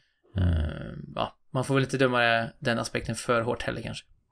Nej. Nej, det är klart. Känner du att du har vecklat ut dina tankar ordentligt? Ja, nu har kartongen fått uh, veckla ut sig i sin fulla form. Ja. Ehm, och eh, som sagt, om man inte ska bedöma uh, vet du, Yoshi Crafted, Yoshi's Crafted Worlds spelmekanik eh, för liksom vår målgrupp så, så är det kanske definitivt nästa spel mer ja. inriktat för oss som anser oss vara ganska insnöade spelare så att säga. ja, det får man väl Ja. säga. Ja. Vi har ju nu alltså spelat Sekiro. Sekiro. Hur uttalar man detta? Sekiro! Ditches of... Nej, Ditches Sea Widow. ja, Nej, Sekiro, Sekiro Shadows Die Twice har vi spelat nu. jajebox. Alltså jag, jag, jag vart ska vi börja? Känner jag bara. Jag, vet inte. Eh, From Softwares nya spel i alla fall. Ja. Eh, och det är ju alltså utvecklarna bakom, bakom Otogi, bland annat. Varför nämner du det spelet? Alltså, Det känns helt ur, helt ur tiden att nämna Ottogi. Jag vet ju att lyssnarna förväntade sig att jag skulle säga Bloodborne och Dark Souls. Ja. Och även, eh, vad heter det här eh, mech-spelet? Armored, Armored Core. Core. Mm, Armored Core, ja. precis. Så det är väl de spel de är mest Kända för. kända för. Ja. Så det här är lite av en spirituell uppföljare utav Otogi då, får man säga. kan Nej. man säga. Bloodborne, Dark Souls, Demon Souls och allt det där. Och eh, själv är jag ett eh, enormt jädra fan utav den här spelstudion. Jag tycker att de gör några av de bästa spelen jag har spelat på senare år. Samma här, samma här. Sekiro visade de ju en liten teaser-trailer av här, eh, nu när det nu var två år sedan. Eh, och alltså när jag såg den här teaser-trailern, då var det många som spekulerade i att, ja men det här ser ut att kunna bli liksom Dark Souls 2. Det var ju väldigt så här Bloodborne 2. Precis, Bloodborne 2. Alltså atmosfären kändes som att det skulle kunna tillhöra ett Bloodborne 2 Ja. i den trailern. Men alltså jag minns ju Fabian att vi diskuterade där att vi, vi redan då, även fast det fanns spekulationer om att han skulle vara Bloodborne 2, sa ju att vi vill inte ha det. Alltså vi vill ju helst ha, se att de gör någonting helt nytt. Det är den typen Ja. av, av utvecklare som vi håller väldigt kära, som Precis. vå, vågar experimentera. Och eh, det är jag så jävla glad att se här med eh, Sekiro och From Software. För att alltså, Dark Souls, Bloodborne DNA är, är ju såklart extremt närvarande. Det är ju ett From Software-spel. Eh, Det är det ju. Men Ja. de gör mycket saker här som bara kryddar till och fräschar upp det hela. Ja, och gör saker annorlunda. Alltså, de tvingar... Vi som är vana från software-spelare måste, måste här, till skillnad från eh, lite... När man gick från Dark Souls till Bloodborne, så var det väldigt lika ändå i hur det spelades, medan här är det någonting helt annorlunda. Mm. Hur, hur vi måste tackla hela Striderna. combat-systemet och... Ja. Ja. Jag vet inte, vi kan väl kanske, alltså jag tycker att ja, var börjar vi? Ja, alltså striderna är ju... Jag tycker att striderna är de bästa från Software har klämt ur sig. Jag, jag, håller, jag håller med att det, det här är första gången de gör ett riktigt, riktigt genomtänkt stridssystem. Medan Mm. tidigare så har de tagit ett mer traditionellt stridssystem och liksom slängt in traditionella eh, fantasy-vapen och liksom anpassat det eh, till det. Sen, sen så har de gjort sitt stridssystem väldigt, väldigt bra när att man måste, eh, man måste balansera, balansera sin stamina och så vidare. Mm, precis. För vi har ingen stamina-mätare alls. Här har vi ingen stamina överhuvudtaget. Jag Vilket- tycker att det fanns, i, i Bloodborne-spelen tycker jag det fanns så mycket brister i det att vi bara kunde, det, det fanns så mycket enkla lösningar på att ta ner bossarna genom att bara så här lock-on, rulla, röra åt sidorna. Ja, man kunde fula sig lite. Fulspela. Ja, alltså, och, och klara sig igenom spelet ganska så bra på att bara lära sig den grejen. ja. Och det går till viss Ja, del att göra lite så i. Sekiro också, men... Men det är inte på alls på samma sätt. N- Nej, och framförallt så mår jag lite dåligt när jag gör det hela tiden, för att jag vet att det enda jag gör nu är att jag liksom går av den här motionsslingan som jag ska springa på 5 km och så går jag liksom, genar jag halva, så jag springer bara 2,5.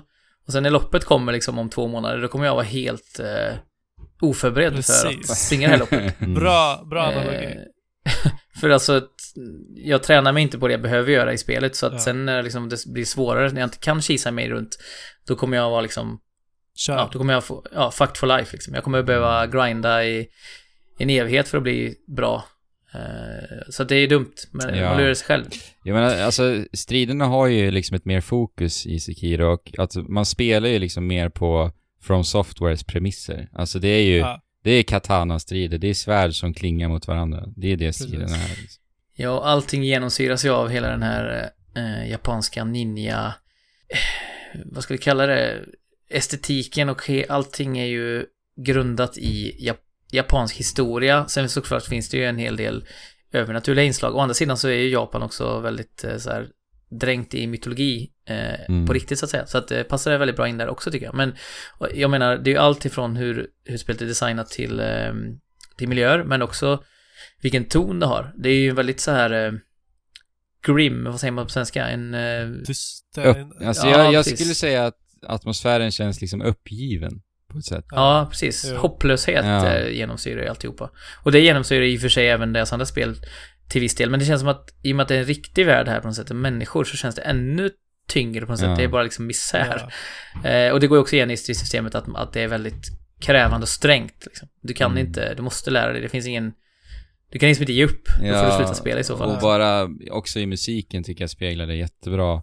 Och, och även dialogerna, alltså så att bara tonläget som karaktärerna Mm. pratar i. Ja. Lite apatiskt. eh, Ja, det är så här, precis. och det skapar ju också den här mystiken som att du bara vill veta vad händer här? Vad, vad, vad är det som lurar i den här världen liksom? Ja, precis. För de ger oss inte mycket att gå på här heller, vilket jag fullkomligt älskar. De ger oss Ja. kanske lite mer än vad de gjort tidigare, men eh, vi, vi vet att vi har ett uppdrag. Ja, det är i precis. princip det vi vet. Ja. Och sen att de pratar japanska också. Det är ju fantastiskt. Ja. Det är standardspråket. Eh, och just alltså världsbyggande är ju, alltså från software är ju typ bäst i världen på det, Ja. tycker jag, i spelvärlden. Och det är just det här, de, de lyckas så jäkla bra att skapa en plats där jag känner att jag befinner mig på en plats med en historia liksom. Och, och det är ju också där jag blir så nyfiken på allting. Jag vill bara utforska och ta reda på, på vad som sker. Verkligen. Jag, tyck, jag tycker också om att det är ganska ofta som att man tänker eh, det här borde funka enligt den här världens regler. Ja. Mm. Eh, och så gör det. Alltså de är ganska duktiga på att eh, spela efter sina egna regler. Eh, och, och då blir ju lite det här som i Zelda också i, i eh, Breath of the Wild, att man tänker det här, det här vill jag prova. Mm. Och så funkar det. Sen är det absolut inte samma Nej. eh, liksom fokus på, på fysik och pussel och sådär, utan, men jag menar just på samma sätt att man får lite impulser ibland att testa saker och det, Mm. eh, då funkar det oftast eh, i världen. Alltså, jag har eh, väldigt mycket tänkt på dig, Andrew, att du älskar ju, du älskar stealth och du älskar från software. Ja. Och här kombinerar de ju det på ett så bra sätt. ja. Eh, jag älskar stealth-momenten i det här och jag älskar att gå in med svärdet i högsta hugg Mm. eh, på, på båda sätten. Och eh, Ja. jag, jag är inte ett jättestort fan av stealth eftersom att eh, ofta så är stealth-momenten liksom designade och du måste bara hitta det rätta sättet att göra det på. Mm, medan- just. Här i Sekiro så, så, så har de ändå lämnat väldigt mycket öppet för dig att liksom välja din egen väg för att ta ut eh, Mm. de fienderna som behöver tas ut från första början. Men också, Ja, framför allt, att du blir tvungen att eh, spela om momenten eftersom att det är Dark Souls. Eh, om du dör så måste du börja om från början. Om du går till en Bonfire så, så spanas alla fiender igen. Och då Mm. lär du dig de här mönstren som finns i det här området och kan, kan leka ninja på riktigt.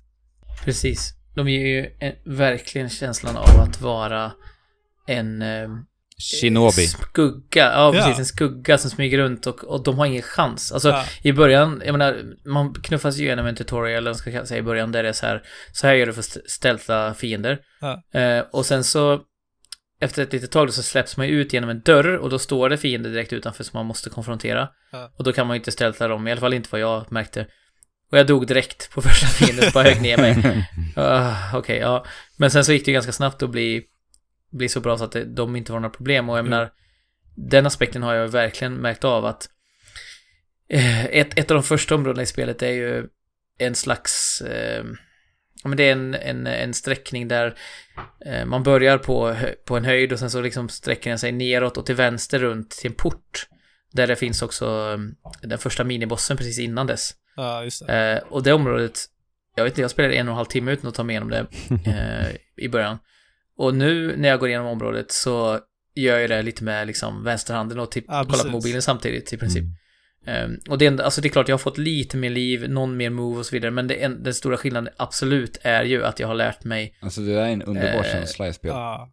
Ja. ja. och då växer ju man som spelare istället för, det har vi, det har vi pratat om tusen gånger i Ja. det kommer vi säkert prata om tusen gånger till, men att det är, det är så, i alla fall jag tycker att det är den mest belönade speldesignen, för annars känner man ju lite att så här, ja men som i Spiderman till exempel, att så här, ja men en webblossom förmågan liksom. Mm. Den, jag kunde, jag, då behövde jag så här slå några slag så att jag byggde upp min, eh, min kraft och sen tryckte jag på typ R1 och L1 eller vad det var. Mm. Och då så dog alla fiender runt omkring mig liksom. Och då Ja. känns det som att då har man ju inte förtjänat det riktigt, utan då har man ju bara liksom grindat upp till en förmåga. Här är det ju så att du har liksom Exakt. grindat upp din egen, ja men att du, du sätter det där skottet i krysset som du har övat på i, i veckor innan dess liksom. Ja men det Det är, mekaniskt blir bättre. ja, men bra liknelse med Spiderman som också just besitter ett färdighetsträd, för det har vi ju i Sekiro också. Men grejen är att jag upplever absolut inte att det väger tungt överhuvudtaget i det här spelet, utan det är, det är typ, ja visst du kan få lite mer hälsa utav en sån här, eh, eh, ja jag kommer inte ihåg vad den heter, men Estes Flask, Estes Flask ekvivalent. Healing Gourd. Ja, just det, Healing Gore. Det är lite sånt, men jag menar i ett, i ett spel där du kan dö på två träffar så spelar inte det jättestor roll heller. Det- Det är Ehm, mer som ett träd som går åt sidan än uppåt om ni förstår vad jag menar. Ja. Alltså man kan välja hur man ska spela snarare än liksom Ja, men exakt. att man blir bättre på en specifik Okej. gren. Utan. Ja, men Ja. precis. Och, och liksom du levlar inte och får bättre... Eh, Nej. Hälsa du, du får inte eller... bättre hälsa eller bättre attack Nej. för att du har grindat upp eh, liv. Vi har någonting som är eh, ekvivalent med eh, souls här också. Men Mm. det använder du bara för att låsa upp förmågorna, vilket är helt fantastiskt. Ja. Och dör man så blir man av med hälften av Ja. den befintliga skill point eh, mät, alltså poängen du har byggt upp Mm. Ja, på den här leveln. Så du kan ju, om du, om du liksom eh, bygger upp, du börjar på noll och sen så kom- kommer du upp level 1 ja, och så vidare. Och sen för varje level så får du då en skill point som du kan in- investera när du vill. Men du kan också riskera att fortsätta bygga den eh, och liksom då sikta mot högre. Alltså till exempel låste jag precis upp den här, på tal om he- helande föremål då, att jag kan få när man gör en death blow som det heter, alltså det vill säga till exempel när man ställtar folk så gör man en death blow på de Ja. flesta fienderna på ett, liksom, ett, ett slag. Mm. Och då får jag tillbaka lite liv och den kostade ju då väldigt mycket, det kostade ju fem skill points vilket är som sagt ja, en rejäl investering. Så att det är också det att man får ju verkligen då investera sig för att låsa upp en enda förmåga. Mm. ja. Eh, Då måste man, måste man faktiskt eh, dedikera sig till det. Ja, men Ja, just... det, det är riskabelt eftersom att du, om du dör så förlorar du hälften och om du är uppe på 4,9 så kom, och dör så är du hälften Mm. nere. Alltså jag kan väl tycka lite eh, att eh, i, i Dark Souls och Bloodborne så har vi haft den här eh, spöket som ligger och, och vi- vilar på, på banan och sen så har vi en chans att eh, hämta upp spöket för att återfå souls. Alltså i Sekiro så finns det ju ingenting, alltså när du dör i Sekiro så är du död och du, du har bara, du har bara blivit bestraffad och ingenting Ja. annat. Eh, och jag kan väl tycka att det, i Sekiro, om du liksom går igenom ett område, du känner att du har gjort bra ifrån dig, sen så dör du på kanske sista fienden i området. I, I Dark Souls och Bloodborne, så den andra vändan blev ju också en del utav hela Ja. den upplevelsen. Alltså förstår du vad jag Precis. menar här? För, för att då, då, risker, då kan du få tillbaka allting som du Ja. visste och då blir det lite mer tension när du Precis. går tillbaka där. Jag gillar ju verkligen den typen av design. I Sekiro känner jag inte att den Ja. riktigt finns. Och, och andra vändan så blir jag nästan istället så här lite frustrerad och bara springer förbi allt istället. Och jag Ja. strun- struntar i att gå igenom det här en gång till. Men det är ju något som är lite intressant, eh, som du var inne på förut, att Fabian, att man kan ju gå förbi man behöver inte ens slåss mot fiender om man inte vill. Man kan gå förbi en Ja. massa fiender på många ställen och, eh, och, och det är också så att eh, på många ställen, man får ju se spelet som icke-linjärt också för att eh, och man får ha den mindseten att om jag inte kommer vidare på ett ställe då ska jag nog inte bara banka huvudet mot det utan då ska jag nog liksom utforska en annan gren för att se att om jag får ett föremål eller, eller liksom någonting annat som hjälper mig att eh, få en förståelse för hur jag ska ta mig an det här området så jag inte kommer förbi. Så att man kan ju faktiskt lätt ta sig förbi fiender också om man skulle vilja spela så. Mm. Eh, om man inte orkar ta, ta igenom ett område. Det är sällan man tvingas in i trånga gångar där fienderna alltid kommer upptäcka dig. I alla fall inte hittills det jag har spelat. Nej, precis.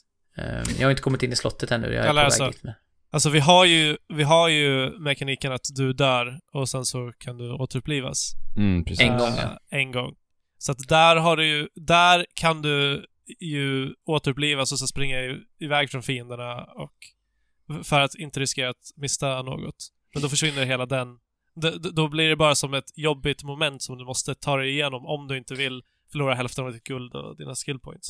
Som Ja, har varit hårt förvärvade liksom. Alltså jag, för, mig, för min del är inte det där, alltså jag har ju märkt med Sekiro generellt och överlag så för mig, att frustrationsmomenten jag har, när jag var i slutet på spelet så tänkte tillbaka så är det liksom helt och hållet bortblåst. Alltså, Jo. det är så små, små petitesser, sakerna jag inte tycker om med det här spelet. Så att de färgar inte av sig överhuvudtaget på min upplevelse. Men det är ändå Men så här, som jag, det är ändå så här detaljer som jag har tänkt på, som jag undrar lite så här, eh, designen kring. men det som jag funderar på just där är ju att fiendens AI är ju väldigt dum. Ja.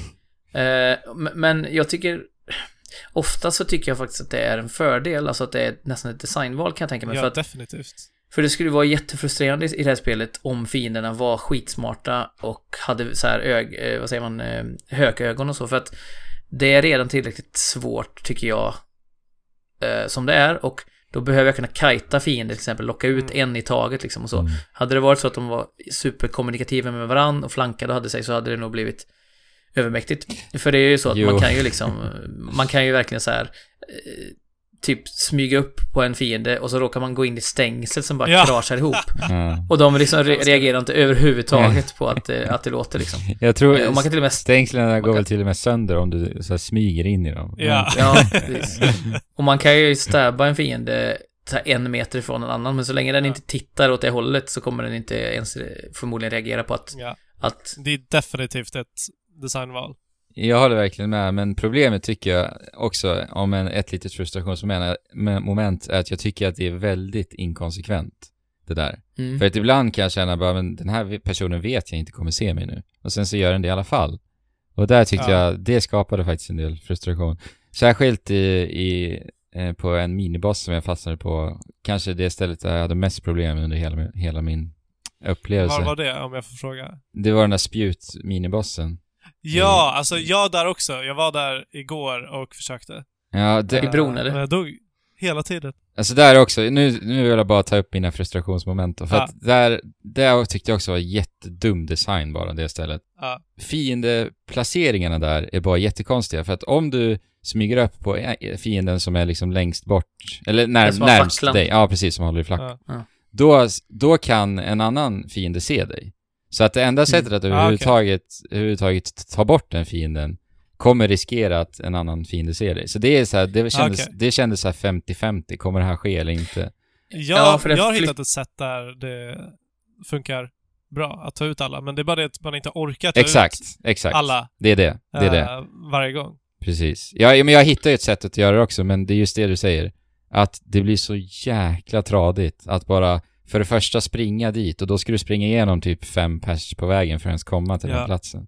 Och sen så ska du gå igenom hela den här processen och göra om den här rutinen bara för att få liksom ett fönster på kanske en minut och öva på den här bossen liksom. Jo, precis. Alltså det var... Märkte ja. du att man kan svinga sig över hela...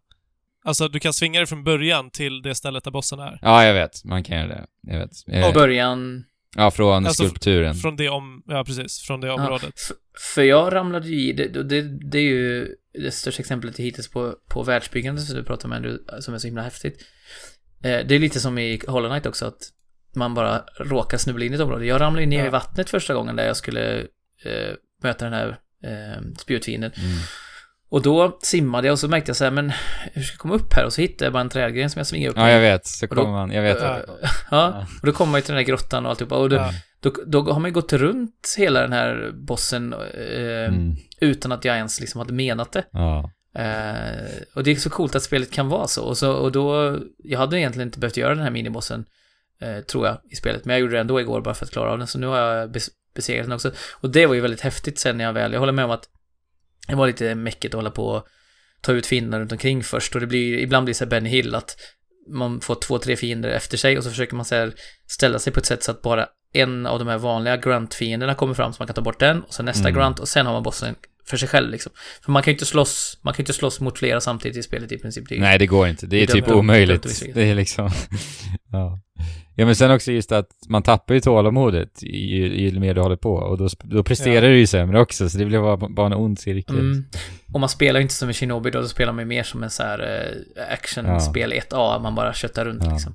Men, eh, men den här spjutfienden, det var ju väldigt starkt ändå när jag besegrade den, för att då lär man sig den här tekniken då som gör att man kan trampa på vissa fienders stötar. Alltså när de stöter fram sitt vapen ska man trampa på deras vapen Mm. och sen gör man jättemycket skada på deras posture, posture för det, posture är ju så att säga fattningen eller liksom hållningen man har. Mm. Och, och när man bryter ner den till max, eller snarare upp så att säga, man fyller deras mätare till max så den blir helt röd.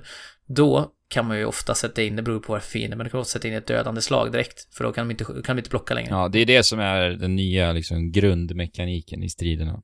Vissa fiender måste man ju ta ner lite health först, så att deras post, eh, posture blir sämre och sen kan man liksom då ta bort, Ja, ta bort posture. Så varje fiende har två livmätare egentligen.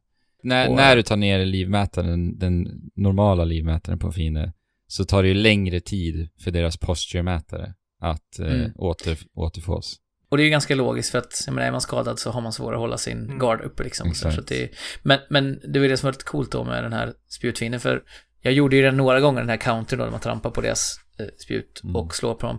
Och sen var jag inte riktigt beredd på att, för det gick mycket fortare än vad jag trodde att besegra den här bossen när jag gjorde, för det är ju en metod också som är ganska, alltså den är ganska risky, för att man måste dodga in i attacken liksom. Ja. Så tajmar man fel så blir man ju typ spetsad liksom. Mm. Så att det finns ju andra lättare sätt. Deflecta är ju lite lättare till exempel. Man Ja, fast bort. de är Eh, lättare att dodga in i skulle jag säga. För att, alltså timingen på att, att deflekta en sån där perilous thrust attack. Perilous attacks heter ju de här, de här superattackerna som fienderna gör när det kommer upp en sån här kanji-symbol. Eh, de är ju mycket svårare timing på än vanliga Mm. eh, attacker. Så där ska du ju helst göra den här Mikiri-countern. Ja, men det är också något så här, det behöver man inte låsa upp om man inte vill, för det är ju, ett, det är ju en skill, skill man låser upp. Sen så knuffar ju det spelet ganska mycket det att du borde göra. Mm. Men, men eh, då när jag liksom gjorde den här, jag tror det var andra eller tredje countern då på den här fienden, så dog den. Och jag bara, oj, just det, nu klarar jag bossen. Och då kände jag mig verkligen Mm. grym för att jag hade liksom nästan lite så här jag hade hittat liksom den, ja, det är ju givet, det är ju liksom eh, väldigt tydligt, eh, vad ska man säga, designat att man ska göra så, men jag kände lite som att jag hade blivit bättre än vad spelet hade tänkt, liksom, och klarade av bossen Mm. eh, bara för att jag hade sån skill, och det är det spelet vill, den känslan vill det ju, det ger dig, Ja. eh, det lyckas de verkligen med. Ja. Ehm, Ja, det är Alltså- fantastiskt. Alltså, ja. Jag, jag tycker ju, som sagt, jag tycker att striden är eh, de bästa som From Software har gjort. Eh, och det är så här, det här spelet, alltså Fabian, du sa nu, eh, smygelement tycker jag om, From Software tycker Ja. jag om. Och sen när man bara pratar om striderna, alltså vi har timing-element, vilket jag älskar i sådana här spel. Och sen, Ja, så, alltså- och sen så kombinerar vi det med att liksom memorera rytmer, för det är egentligen det vi Precis. gör i striderna. Precis. Och jag, jag menar, jag är en gammal avdankad musiker, så att det där, det, det är inga problem för mig. och jag älskar ju det. Så att för mig så känns det här spelet som gjort för mig i, i så många aspekter. Och när jag liksom spöar en boss helt perfekt utan att ens bli träffad i det här spelet. Alltså den tillfredsställelsen är, alltså den är helt otrolig och det känns som att jag spelar ett rytmspel lite. Ja men då. precis. Alltså när de kör sina flurry-attacker som kan Ja. vara wa, wa, wa, Ja. wa. Och, och man, bara, man, man bara sätter det och man kör, Ja. ah, alltså, det är så bra. Gör du så också att du nynnar nästan rytmerna för dig själv? Så Ja. Ding, ding. Ja, det är så härligt. Och allting i striderna är en möjlighet för dig Ja. att bara dominera. För att både offensiven besitter precis samma möjligheter som defensiven. Det är Mm. det som är så jäkla Precis. häftigt. Och det passar också mig som spelare, för jag är väldigt så aggressiv i spel. Jag vill gärna liksom vara som limmad på fienderna. Och det är helt underbart alltså. Men det, jag, jag hade ju, jag tyckte om spelet från början, men jag hade ganska svårt att känna att jag blev bättre och, och kom framåt i min egen progression. Mm. Men då, då beklagade jag mig lite på Discord, eller jag frågade egentligen en, en hel del frågor och fick mycket svar eh, från Andrew till exempel. Och då, det är någonting som du sa var ju att jag skulle stå, stå still mycket mer, för man, spel har ju tränat en att eh, dodga undan attacker. Liksom. Det är Ja. det man gör mest. Eh, och det, det, ibland ska man göra det i Sekiro, men oftare så är det bra att våga stå kvar, Precis. ta emot smällen med, ground, med, liksom. med din guard. Ja. Ja. Och det är ju väldigt läskigt. Alltså, det naturliga för mig blir ju då att försöka kasta mig undan Ja. och fly. Ehm, Precis. Det, men, det är Dark eh, Souls har lärt oss också. Ja, det är Ja, att dodga, ja, precis. Mm. Jag har inte spelat så mycket Dark Souls, men, men eh, och anledningen till att jag inte spelat så mycket Dark Souls är ju inte för att jag, alltså, jag, jag älskar ju svåra spel. Eh, och liksom är lite stolt över att jag, är, att jag klarar av att spela det just med ett mindset av att jag inte ger mig. Mm.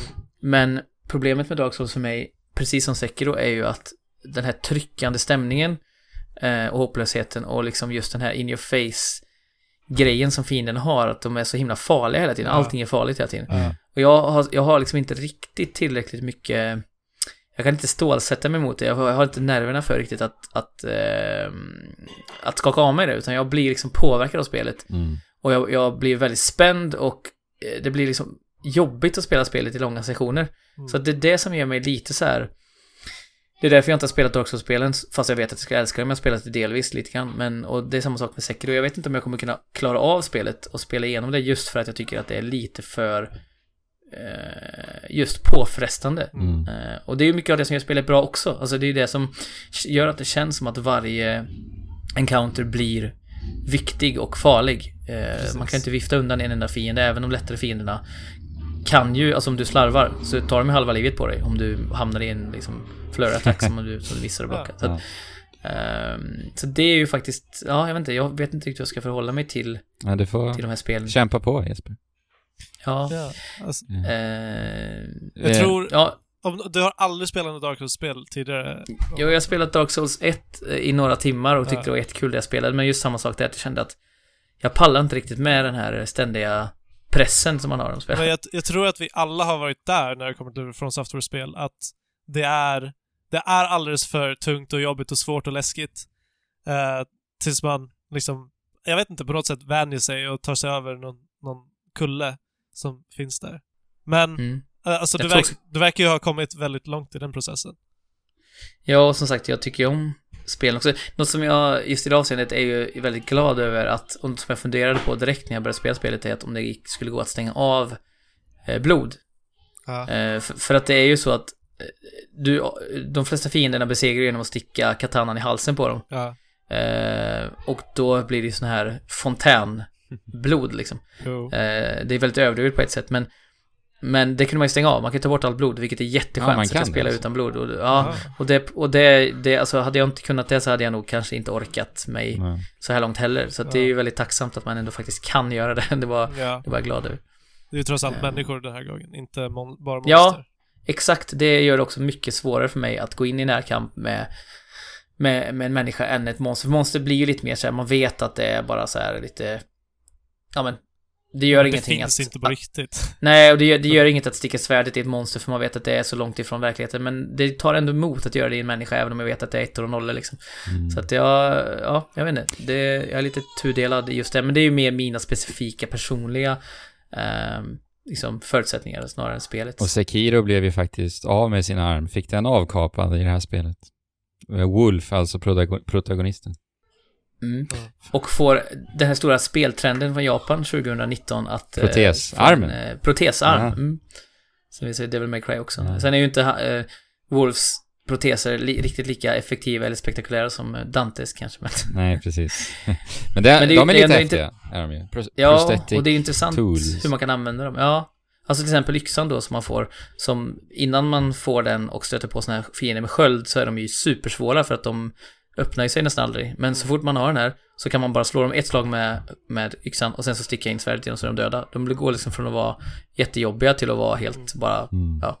borsta åt sidan. Det är väl en av få sådana grejer i spelet. Ja, alltså använder ni de här mycket i striderna, eller? Mm, Ganska mycket. Ja, ni gör det, för Eller att alltså, jag har, och... jag har typ inte hittat någon jag riktigt så här klickat med. Jag har ju klarat av spelet nu förut. Men jag vet inte, jag är så fast i, i det här timing-elementen alltså. Jag bara njuter av det. Och sen så kom jag på, just det, jag har ju prosthetic tool också. jag får nästan Det- så här påminna mig själv hela tiden. Det är väldigt situational, Ja. eh, såklart. Men, eh, men så, så långt jag har kommit så använder ju uh, shurikens ganska mycket. Så kan man Ja. uppgradera dem också. Mm. Ja, något, något som jag tycker om att göra är ju, gjorde jag behövs. Ja, vi gjorde på en av bossarna den här um, minibossen som finns i en liten uh, nersänkt eh, del, om ni vet. eh, en general tror jag det Som är liksom i ett litet, så här, nästan som ett grustag och så runt omkring finns det en mur. Den bossen klarar jag delvis av genom att faktiskt kasta olja på honom. Och Ja. sen då använda min här eh, flame vent, alltså tända eld på honom i princip. Snyggt! Eh, så det är, det är coolt, det finns ju många sådana här grejer man kan göra med föremål i spelet också. Ja. Jag använder ju kaststjärnan just för att hålla uppe deras posture-mätare. Det är typ Precis. så jag... Som en combo eh, chain, alltså som en, som en man skater när man gör en, eh, vad heter det? Ehm, Manual. Manual, ja, Ja, precis, för att hålla igång en Ja, kombo. precis. du rullar på två hjul liksom. Sen har jag använt den här eh, krutes matterbandsexplosionerna en del också. Har de inte fått det? Paralysera motståndarna en stund. Mm. De är ganska sköna. Kasta ask. Typ om du bara vill andas i en, i en strid ibland så Mm. kan det vara skönt att bara slänga ut den. Kan du kasta eh, aska på fienden så de blir, får det i ögonen också. Det finns ju mycket grejer man kan hålla på och Mm. knickedicka med och eh, störa fienderna. Så. Mm. Eh, men, det, för det är ju någonting också, de, det märks ju, jag vet inte, vi pratade lite om det Andrew, men Activision är ju de som eh, ger ut det här spelet och då märker man lite grann att de har, till exempel då så stavar de ju ut på alla items vad de gör väldigt mycket Ja, tydligare än i Dark Souls var det ju, så. där är- i Dark Souls och Bloodborne är det ju i princip bara en slags lore-text och så får man tolka det. Mm. Eh, men här står det verkligen så här, tar du den här så får du mer, eh, vad heter det, attackkraft till exempel. Du tuggar på den här grejen. Det måste ju vara Activisions eh, inflytande. Ja, och, och jag tycker att de hittar en ganska bra balans mellan att Ja, fort, men det- fortsätta behålla mystiken, men ändå... eh, men, något, men något som jag stör- störde mig lite på då, just när de går en, en bit för att... Undrar om du kommer Eh. säga samma sak som jag har antecknat. Ja, nej men det är just att, det var det jag pratade med dig om, att jag tycker att de förklarar en del av mekanikerna noga. Ja. Och sen så lämnar de en del andra till att man ska råka upptäcka dem i spelet bara, vilket jag på vissa sätt också gillar. Men när de ändå har tagit de här stegen som sagt till att göra det mer, mer eh, lättillgängligt så borde de kanske göra hela vägen. För att, till exempel då så eh, finns det ju en, fi, eller en kompis som eh, är vid, eh, ja, ens utgångspunkt då, vid ett tempel som är odödlig och då kan man ju använda honom som någon slags träningsdocka då, vilket han också så här han skämtar lite med det, att säga, ah, nu, det gör faktiskt ont nu när du slår mig. Och så bara, kan man, kan man be om ursäkt? Och så säger han, nej jag skojar bara, känner ingenting. Men det står ingenstans att man kan låsa upp fler eh, träningsformer vad jag kan se, men om man kör free training mot honom och liksom kör igenom den lilla punkten i menyn som heter free training, då låses det upp liksom åtta stycken nya eh, grejer och där, det har ju hjälpt mig otroligt mycket att få gå igenom de här och liksom träna på de sakerna och ingenstans vad jag kunnat se i alla fall har någon sagt till mig att se till att göra det här liksom. Nej. och det tyckte jag ändå var lite jobbigt för jag tyckte att det, det gav mig ju inte hela paletten att spela med förrän du sa det Andrew att eh, men tänk så här och så här och gå till den här och träna lite var det någon som sa och då gjorde jag det och sen råkade jag bara låsa upp där så att det hade ju kunnat bli ett, ett, ehm, ett skede där jag hade bara avvikt från spelet och inte orkat fortsätta för jag kände inte att jag hade verktygen. Mm. Ehm, och det tyckte jag var lite tveksamt designval också. Mm. Det var inte riktigt det jag tänkte med Activision-influensen, men eh, alltså det är där jag märker det mest. Och det är en sån sak som lite sticker i ögonen för mig eh, i det här spelet. Och det är, ni vet, när man kan tjuvlyssna på, på lite karaktärer. Mm. Och jag tycker Mm. att det är verkligen så här en, det är ju en så här förklädd handledning lite. Mm. För att det sakerna de säger är ju så här, det är en hint till till exempel hur du kan ta ner en, en boss som är några meter ifrån eller så. Eh, och jag förstår inte riktigt varför de gör det så extremt tydligt bara. För att det, det, du ser ju först en liten symbol. Sen ju närmare du kommer symbolen så kommer det upp så här, här kan du tjuvlyssna. Och då ska du trycka Det kommer på... till och med upp ett styrkors till Ja, och med, eller vad det nu är då. styrkorset. Eh, Det är till och med loggan Ja. liksom av ett styrkors, vilket är väldigt Och jag fint. förstår inte, varför har de inte istället bara att du hör att någon pratar. Ju närmare du kommer så liksom fejdas, eller så ökas volymen såklart. Och jag menar om någon, om någon bara står och pratar i världen, i den här liksom dystra världen som vi nämner, som vi inte hör folk prata mycket alls överhuvudtaget, då kommer du ju som spelare dras dit ändå. Och de säger ju också så här, ja, den där eh, som sitter fastlåst där borta, han hatar verkligen eld. Alltså Ja. det är så här, det är ju inte ens, Ja. det är inte ens så här, det är inte ens eh, någon slags dold, Nej. eh, att de liksom pratar i ett naturligt samtal, utan det är verkligen så här, nu ska, det är lite så här eh, Bondskurks eller liksom Scooby-Doo-skurkskänsla att de så här verkligen. berättar om sin egen svaghet eh, rakt upp och ner. Så det är, ja, det är faktiskt lite... Ja, jag gillar inte det. Kackigt. Det, Och det känns ju som en handledningsgrej som de har liksom fått, eh, fått bli tillsagda, eller, eller själva åtminstone tänkt att äh, nej, nu måste vi göra det uppenbart. ja. Och det är lite synd. Ja, verkligen. Alltså, jag tänkte också på smygandet i det här spelet. Eh, nu flänger vi överallt, men det är så mycket att prata om. Eh, och det är just det här också att från Software, de har ju på ett sätt liksom genom åren lärt oss att vi ska så här trippa på tårna i de här spelarna och bara Mm. metodiskt ta oss fram. Och jag tycker det är så häftigt i Sekiro för det känns verkligen som som en sån naturlig övergång och vidareutveckling av det just. Att de tar det hela vägen till just att faktiskt eh, smyga nu. även, även om det liksom är ganska simpel, alltså det är ju väldigt simpel smygmekanik i det här spelet.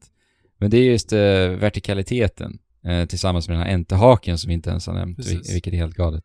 Som gör det så himla tillfredsställande också just att, som du sa Jesper, hoppa från klippor och göra den här dödsstöten från ovan liksom. Ja, men den attacken jag låst upp lite nu då med att man svingar sig med draken och sen attackerar i någon slags eh, virvelvind. Den är också grymt härlig att göra och den, det är ju inte så att man gör den konstant utan det görs ju vid välvalda tillfällen och då känns den väldigt Mm. häftig att få göra. Ja men det, det öppnar upp lite mer möjligheter för spelarna liksom, just smygandet och vertikaliteten. För att eh, jag försökte ju ofta bara så här minska fienda, eh, fiendeantalet eh, på områden, eh, smygandes. Och sen bara så här rensa bort allting och sen kanske ta, ta ut den sista fienden bara för att göra allting lättare för mig. För att som vi sa också, det går ju inte att spela det här spelet om du får bli överrumplad av tre, fyra fiender. Det funkar ju liksom inte. Nej. Det är kul med smygandet också att man kan faktiskt, i princip varenda fiende kan man, om inte ta ner, alltså till exempel det finns ju så här stora ogres Ja. som jag träffade på ganska tidigt och de var så här, oj, de här måste ju vara supersvåra att ta ner och, och, men så provade jag en sån stealth-attack och så tog den ju på ett liksom. Ja. En attack. Eh, Och samma sak med bossarna kan man ju ta bort, eller minibossarna då, kan man ju ta bort en av två så här, eh, de har ju två livmätare eller två prickar liksom. Tar man bort den ena så har de bara en livmätare kvar. Och det gör det ju med ju här- Ja, så det är ju coolt att de har liksom låtit en... Så återigen, det är liksom reglerna i världen gäller alltid. Sen är det ju ändå lite modifikation för man kan ju inte, man kan ju inte ställa ihjäl Nej. en boss.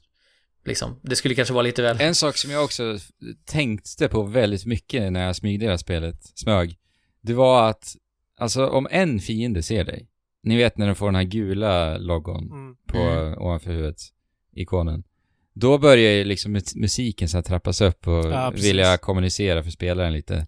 Och, men en sak som jag tänkte på där, jag tycker att de borde ha anpassat eh, musiken mycket bättre och det är att om en fiende ser dig, då slås ju, då slås ju liksom den här eh, ja, fartfyllda låten igång direkt när det är en fiende som ser dig. Och då, då blir jag så här genast livrädd och tror att hela liksom området bara eh, springer med svärdet i högsta hugg. Så att där tycker jag att de kunde gjort det lite mer anpassat. Att ser en fiende dig, ja men kanske inte slå på i hela stycket. Bombastisk. Nej. Ja, det hade varit coolt också. Och Ja. väldigt snyggt implementerat om man liksom så här la till en, trum, en, trum, en trumbit liksom. Exakt. En och sen så kommer lite... Ja. Ja. Stråkar är ju väldigt påtagligt i, i Sekiro och det ger ju också den här hela, som vi pratade om lite, eh, det är mollstråkar liksom. Ja. Så man, man får ju verkligen eh, känslan av, av hopplöshet genom, även genom musiken. Och de här perilous-attackerna som vi pratade om som är liksom extra farliga från, från fiender, de föregås ju också av ett snabbt riff med två stycken stråkdrag, eller så kallar det. ja, en liten upplysning Ehm, där. Ja, och då kan man ju också, precis, man kan ju också då tajma sin counter efter att man, dyrt, hör man, och sen så när den är klar så Mm. gör man sin dodge. Så att det är även, de har även designat det som att, eh, och det tycker jag alltid om när ljuddesign implementeras i liksom den fysiska handlingen som du utför, att, att, de, att den informerar den handlingen du kommer utföra Mm. på något sätt. Mm. Eh, så att, eh, ja, Ja, det är... den är ju, det är ju väldigt, det, helheten är ju som sagt, det är det från Software är så grymma på att de kompromissar inte med sin Nej. idé utan de liksom bakar ihop den till en tight kärna. Och miljöerna Eh. alltså. Herregud vad vackert det är alltså. Jag bara... Men du spelar på PC? Ja, just det, det ska vi säga. Jag spelar på PC. Och PC-versionen är helt fantastisk. Alltså den är, Ja.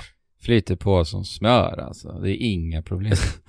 Nej, för jag spelar ju på PS4 Old liksom. Och det märks ju ändå att eh, när det blir mycket, till exempel eld och flera fiender, så blir det lite... ja, just det. Mm. det droppar en del i, i framerate och, Ah. och sådär. Ja, det är- Men det är ju verkligen, det är ju verkligen ingenting som stör egentligen, för jag bryr mig inte så mycket om sånt. Men det är väl just lite att man ser dina screenshots och så, och så ser man att eh, jag har en ur, urvattnad version av det. Det är lite synd, för att man märker ju att designen på världen är Ah, fantastiskt vacker med just mån, fullmånar och det är snö och det är... Men så här massiva Eld och- bergslandskap och så ligger de här japanska templen belägna ovanpå. Det är vattenfall Mm. som forsar. Nej, det är så jäkla vackert. För rent tekniskt är det ju inte så himla Nej, men... bra. Eller så här, det, det är lite så här murrigt, men, men som sagt designmässigt är det ju fantastiskt. Ja. De, det är lite som Zelda också Alltså Breath of the Wild till exempel. Att det är tekniskt eh, kan man plocka isär det och Mm. när man då uppgraderar grafiken som man har sett dem göra i Zelda en del, de tar bort cell shadingen och så, Mm.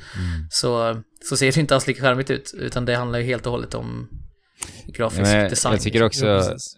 det, det fina med liksom miljöerna också är ju att jag tycker att musiken förstärker det här vackra så himla bra också. För att när det är de här scenerna i spelet så, så liksom märker man av det väldigt tydligt i musiken. Och bara den kontrasten också från det här uppgivna, alltså herregud vad jag tycker om det. Ja, och scenen eh, jag snubblade in i också på ett, blev jagad av ett stort djur, jag ska inte spoila för mycket men eh, hjärtat slog ju kan jag säga då, Ja. eh, ganska rejält. Mm. Eh, och det var också så här, jag bara utforskade en del som jag tyckte så här, men här verkar det vara något intressant. Och så var det hela, en helt ny liksom värld, eller en helt ny del av världen som öppnade upp sig när jag gick där med. Alltså en sak jag Eh, eh, faktiskt eh, skulle vilja ha i det här spelet, det är markörer. Jag skulle vilja ha en karta och sen så skulle jag kunna vilja ha möjligheten att kunna markera saker. För att jag upplever att det blir faktiskt väldigt mycket så här att ja men just det, det där ska jag göra. Och sen, men vänta nu, vart var det nu igen? Och så, så måste Mm. man tänka igenom rejält. Och jag har märkt att jag har glömt saker. Och eh, jag tror att bara att kunna liksom sätta en markering att här ska, har du någonting att göra. eh, Det hade jag velat se i det spelet. Ni vet Breath of the Wild, skapa sin Ja. egna karta lite. Ja. För att eh, också, jag menar, nivådesignen är ju, och liksom hur världen utvecklar sig, det är ju sådär sammanflätat som vi är vana vid, vid från software-spel och den här aha-tillfredsställelsen är ju verkligen vad man kan förvänta sig här också. Och jag tycker Mm, den, ja, den blir verkligen bättre också med tiden. Inledningsvis så tyckte jag det kändes kanske lite väl linjärt, men oj oj oj vad det öppnar upp sig alltså.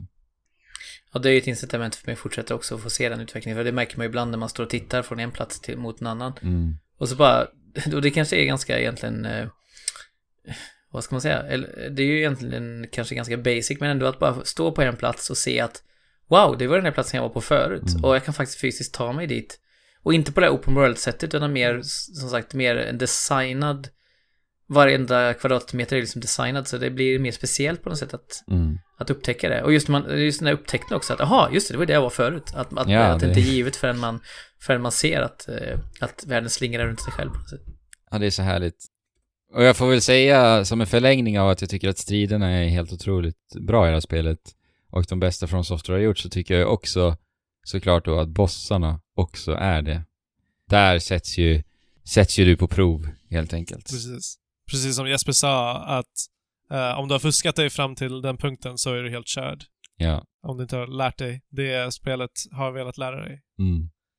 Och sen får jag väl säga också att jag upplever faktiskt att, att bossmötena känns faktiskt mer organiska i Sekiro. Alltså det, det är lite mera överraskningsmoment. Det kan bara ske att så här, oj, där dök det upp en boss. Eh, och det har vi pratat lite om i Dark Souls och Bloodborne-spelen, att det har blivit lite att du alltid förväntar dig en boss. Du ser ju ofta i de Ja, spelen precis. vart det kommer vara en boss. Ja, du går ut till en arena liksom. ja, en arena eller en dimman, liksom, eh, dimman väggdimman.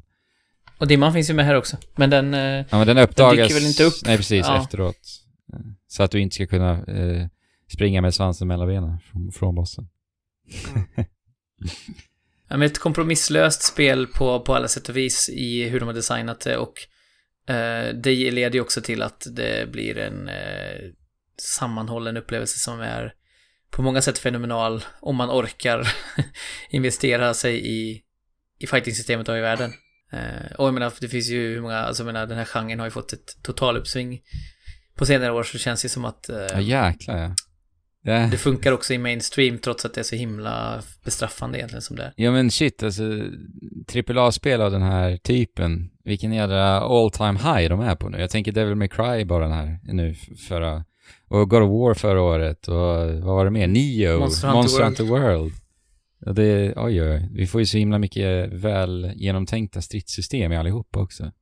Ja, och det känns ju som en kontrast som vi har pratat om lite mot eh, kanske för tio år sedan när det var mycket så här Skjutare. Ja, precis. Överallt. Mycket dussinskjutare på något sätt. Eh, Där det inte kändes som det var någon, fanns någon finess utan det var mest bara eh, yta. Och nu känns det som att det har svingat tillbaka till att, det, att många spelare faktiskt förväntar sig Mm, att bli utmanade.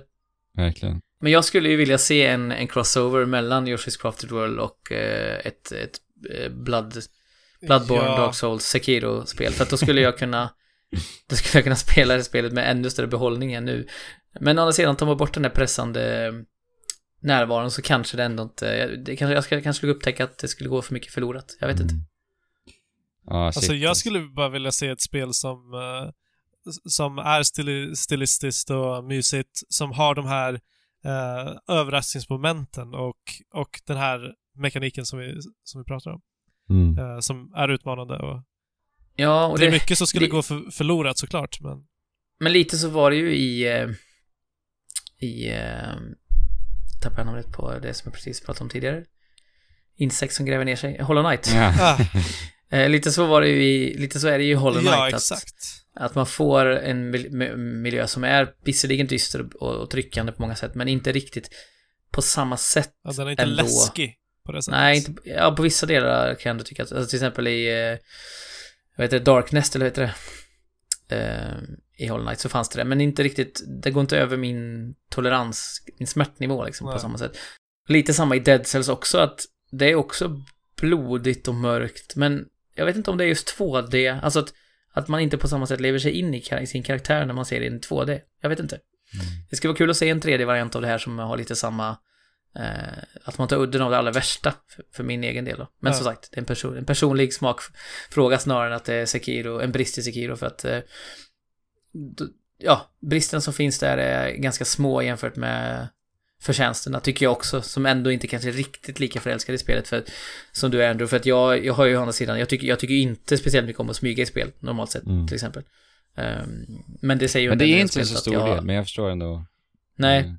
och jag menar, det är ju inte heller så, som jag sa, just det att de inte, att fienderna inte är så extremt smarta gör ju att det blir inte så bestraffande med att smyga. Man, och man kan vara lite slarvig till smygande och ändå komma undan. Så att Mm. även smygardelen är ju gjord på ett sätt som faktiskt passar mig bättre än till exempel ett Metal Gear-spel. Eh, där det är lite mer fokus på just noggrannhet. Ah! Jag älskar det här spelet. Jag tycker det är så bra. Är det Goti eller? Alltså jag, jag tror att för min del kommer det vara extremt svårt att slå det här spelet. Mm. Det, det här är alltså, det är ett toppspel för mig. Kärlek. Ja, av alla spel jag spelat. Kärlek.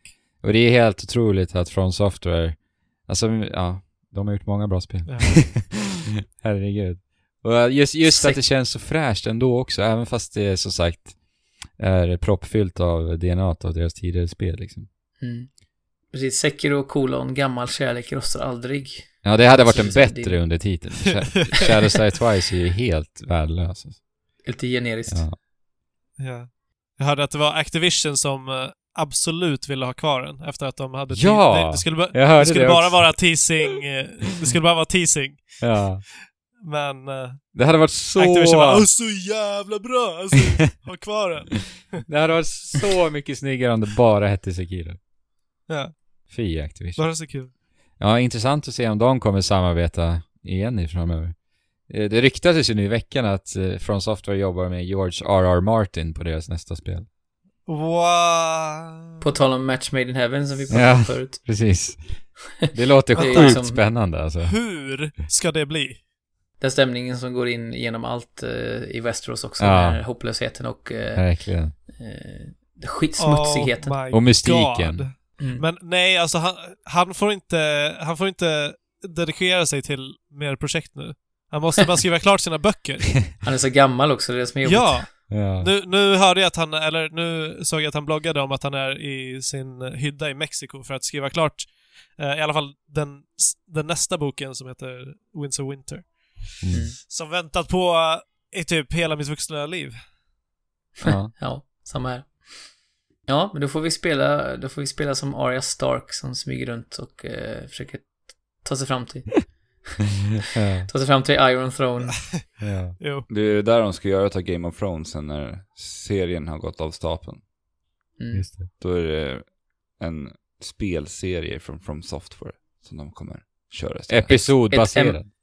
Ja. Nej, ett, nej ett, ett MMO i, på Google Stadia där alla får spela olika roller i, i Westeros och sen kan man Ah. skima i olika hus och försöka ta sig fram till, till eh, järntronen med just sin regent. Och Ja. regenten är också mänskliga spelare, såklart. Ja.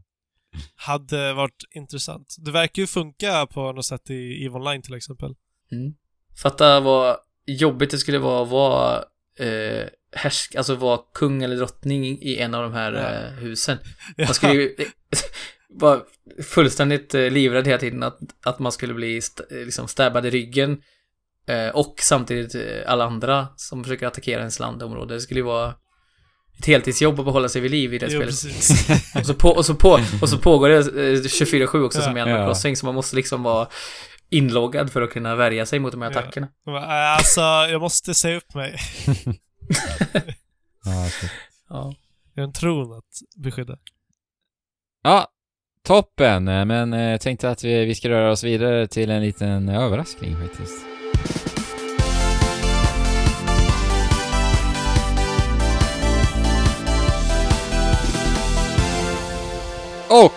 Det är ju så att eh, vi har faktiskt ett, eh, en liten tävling till er lyssnare den här veckan. Jajebox. Det är alltså Mm. självaste spelet som, eh, som Jesper har spelat här till veckan och det är som sagt då Yoshi's Crafted World. Ska ni ta mitt spel ifrån mig? Nej, faktiskt inte Jesper.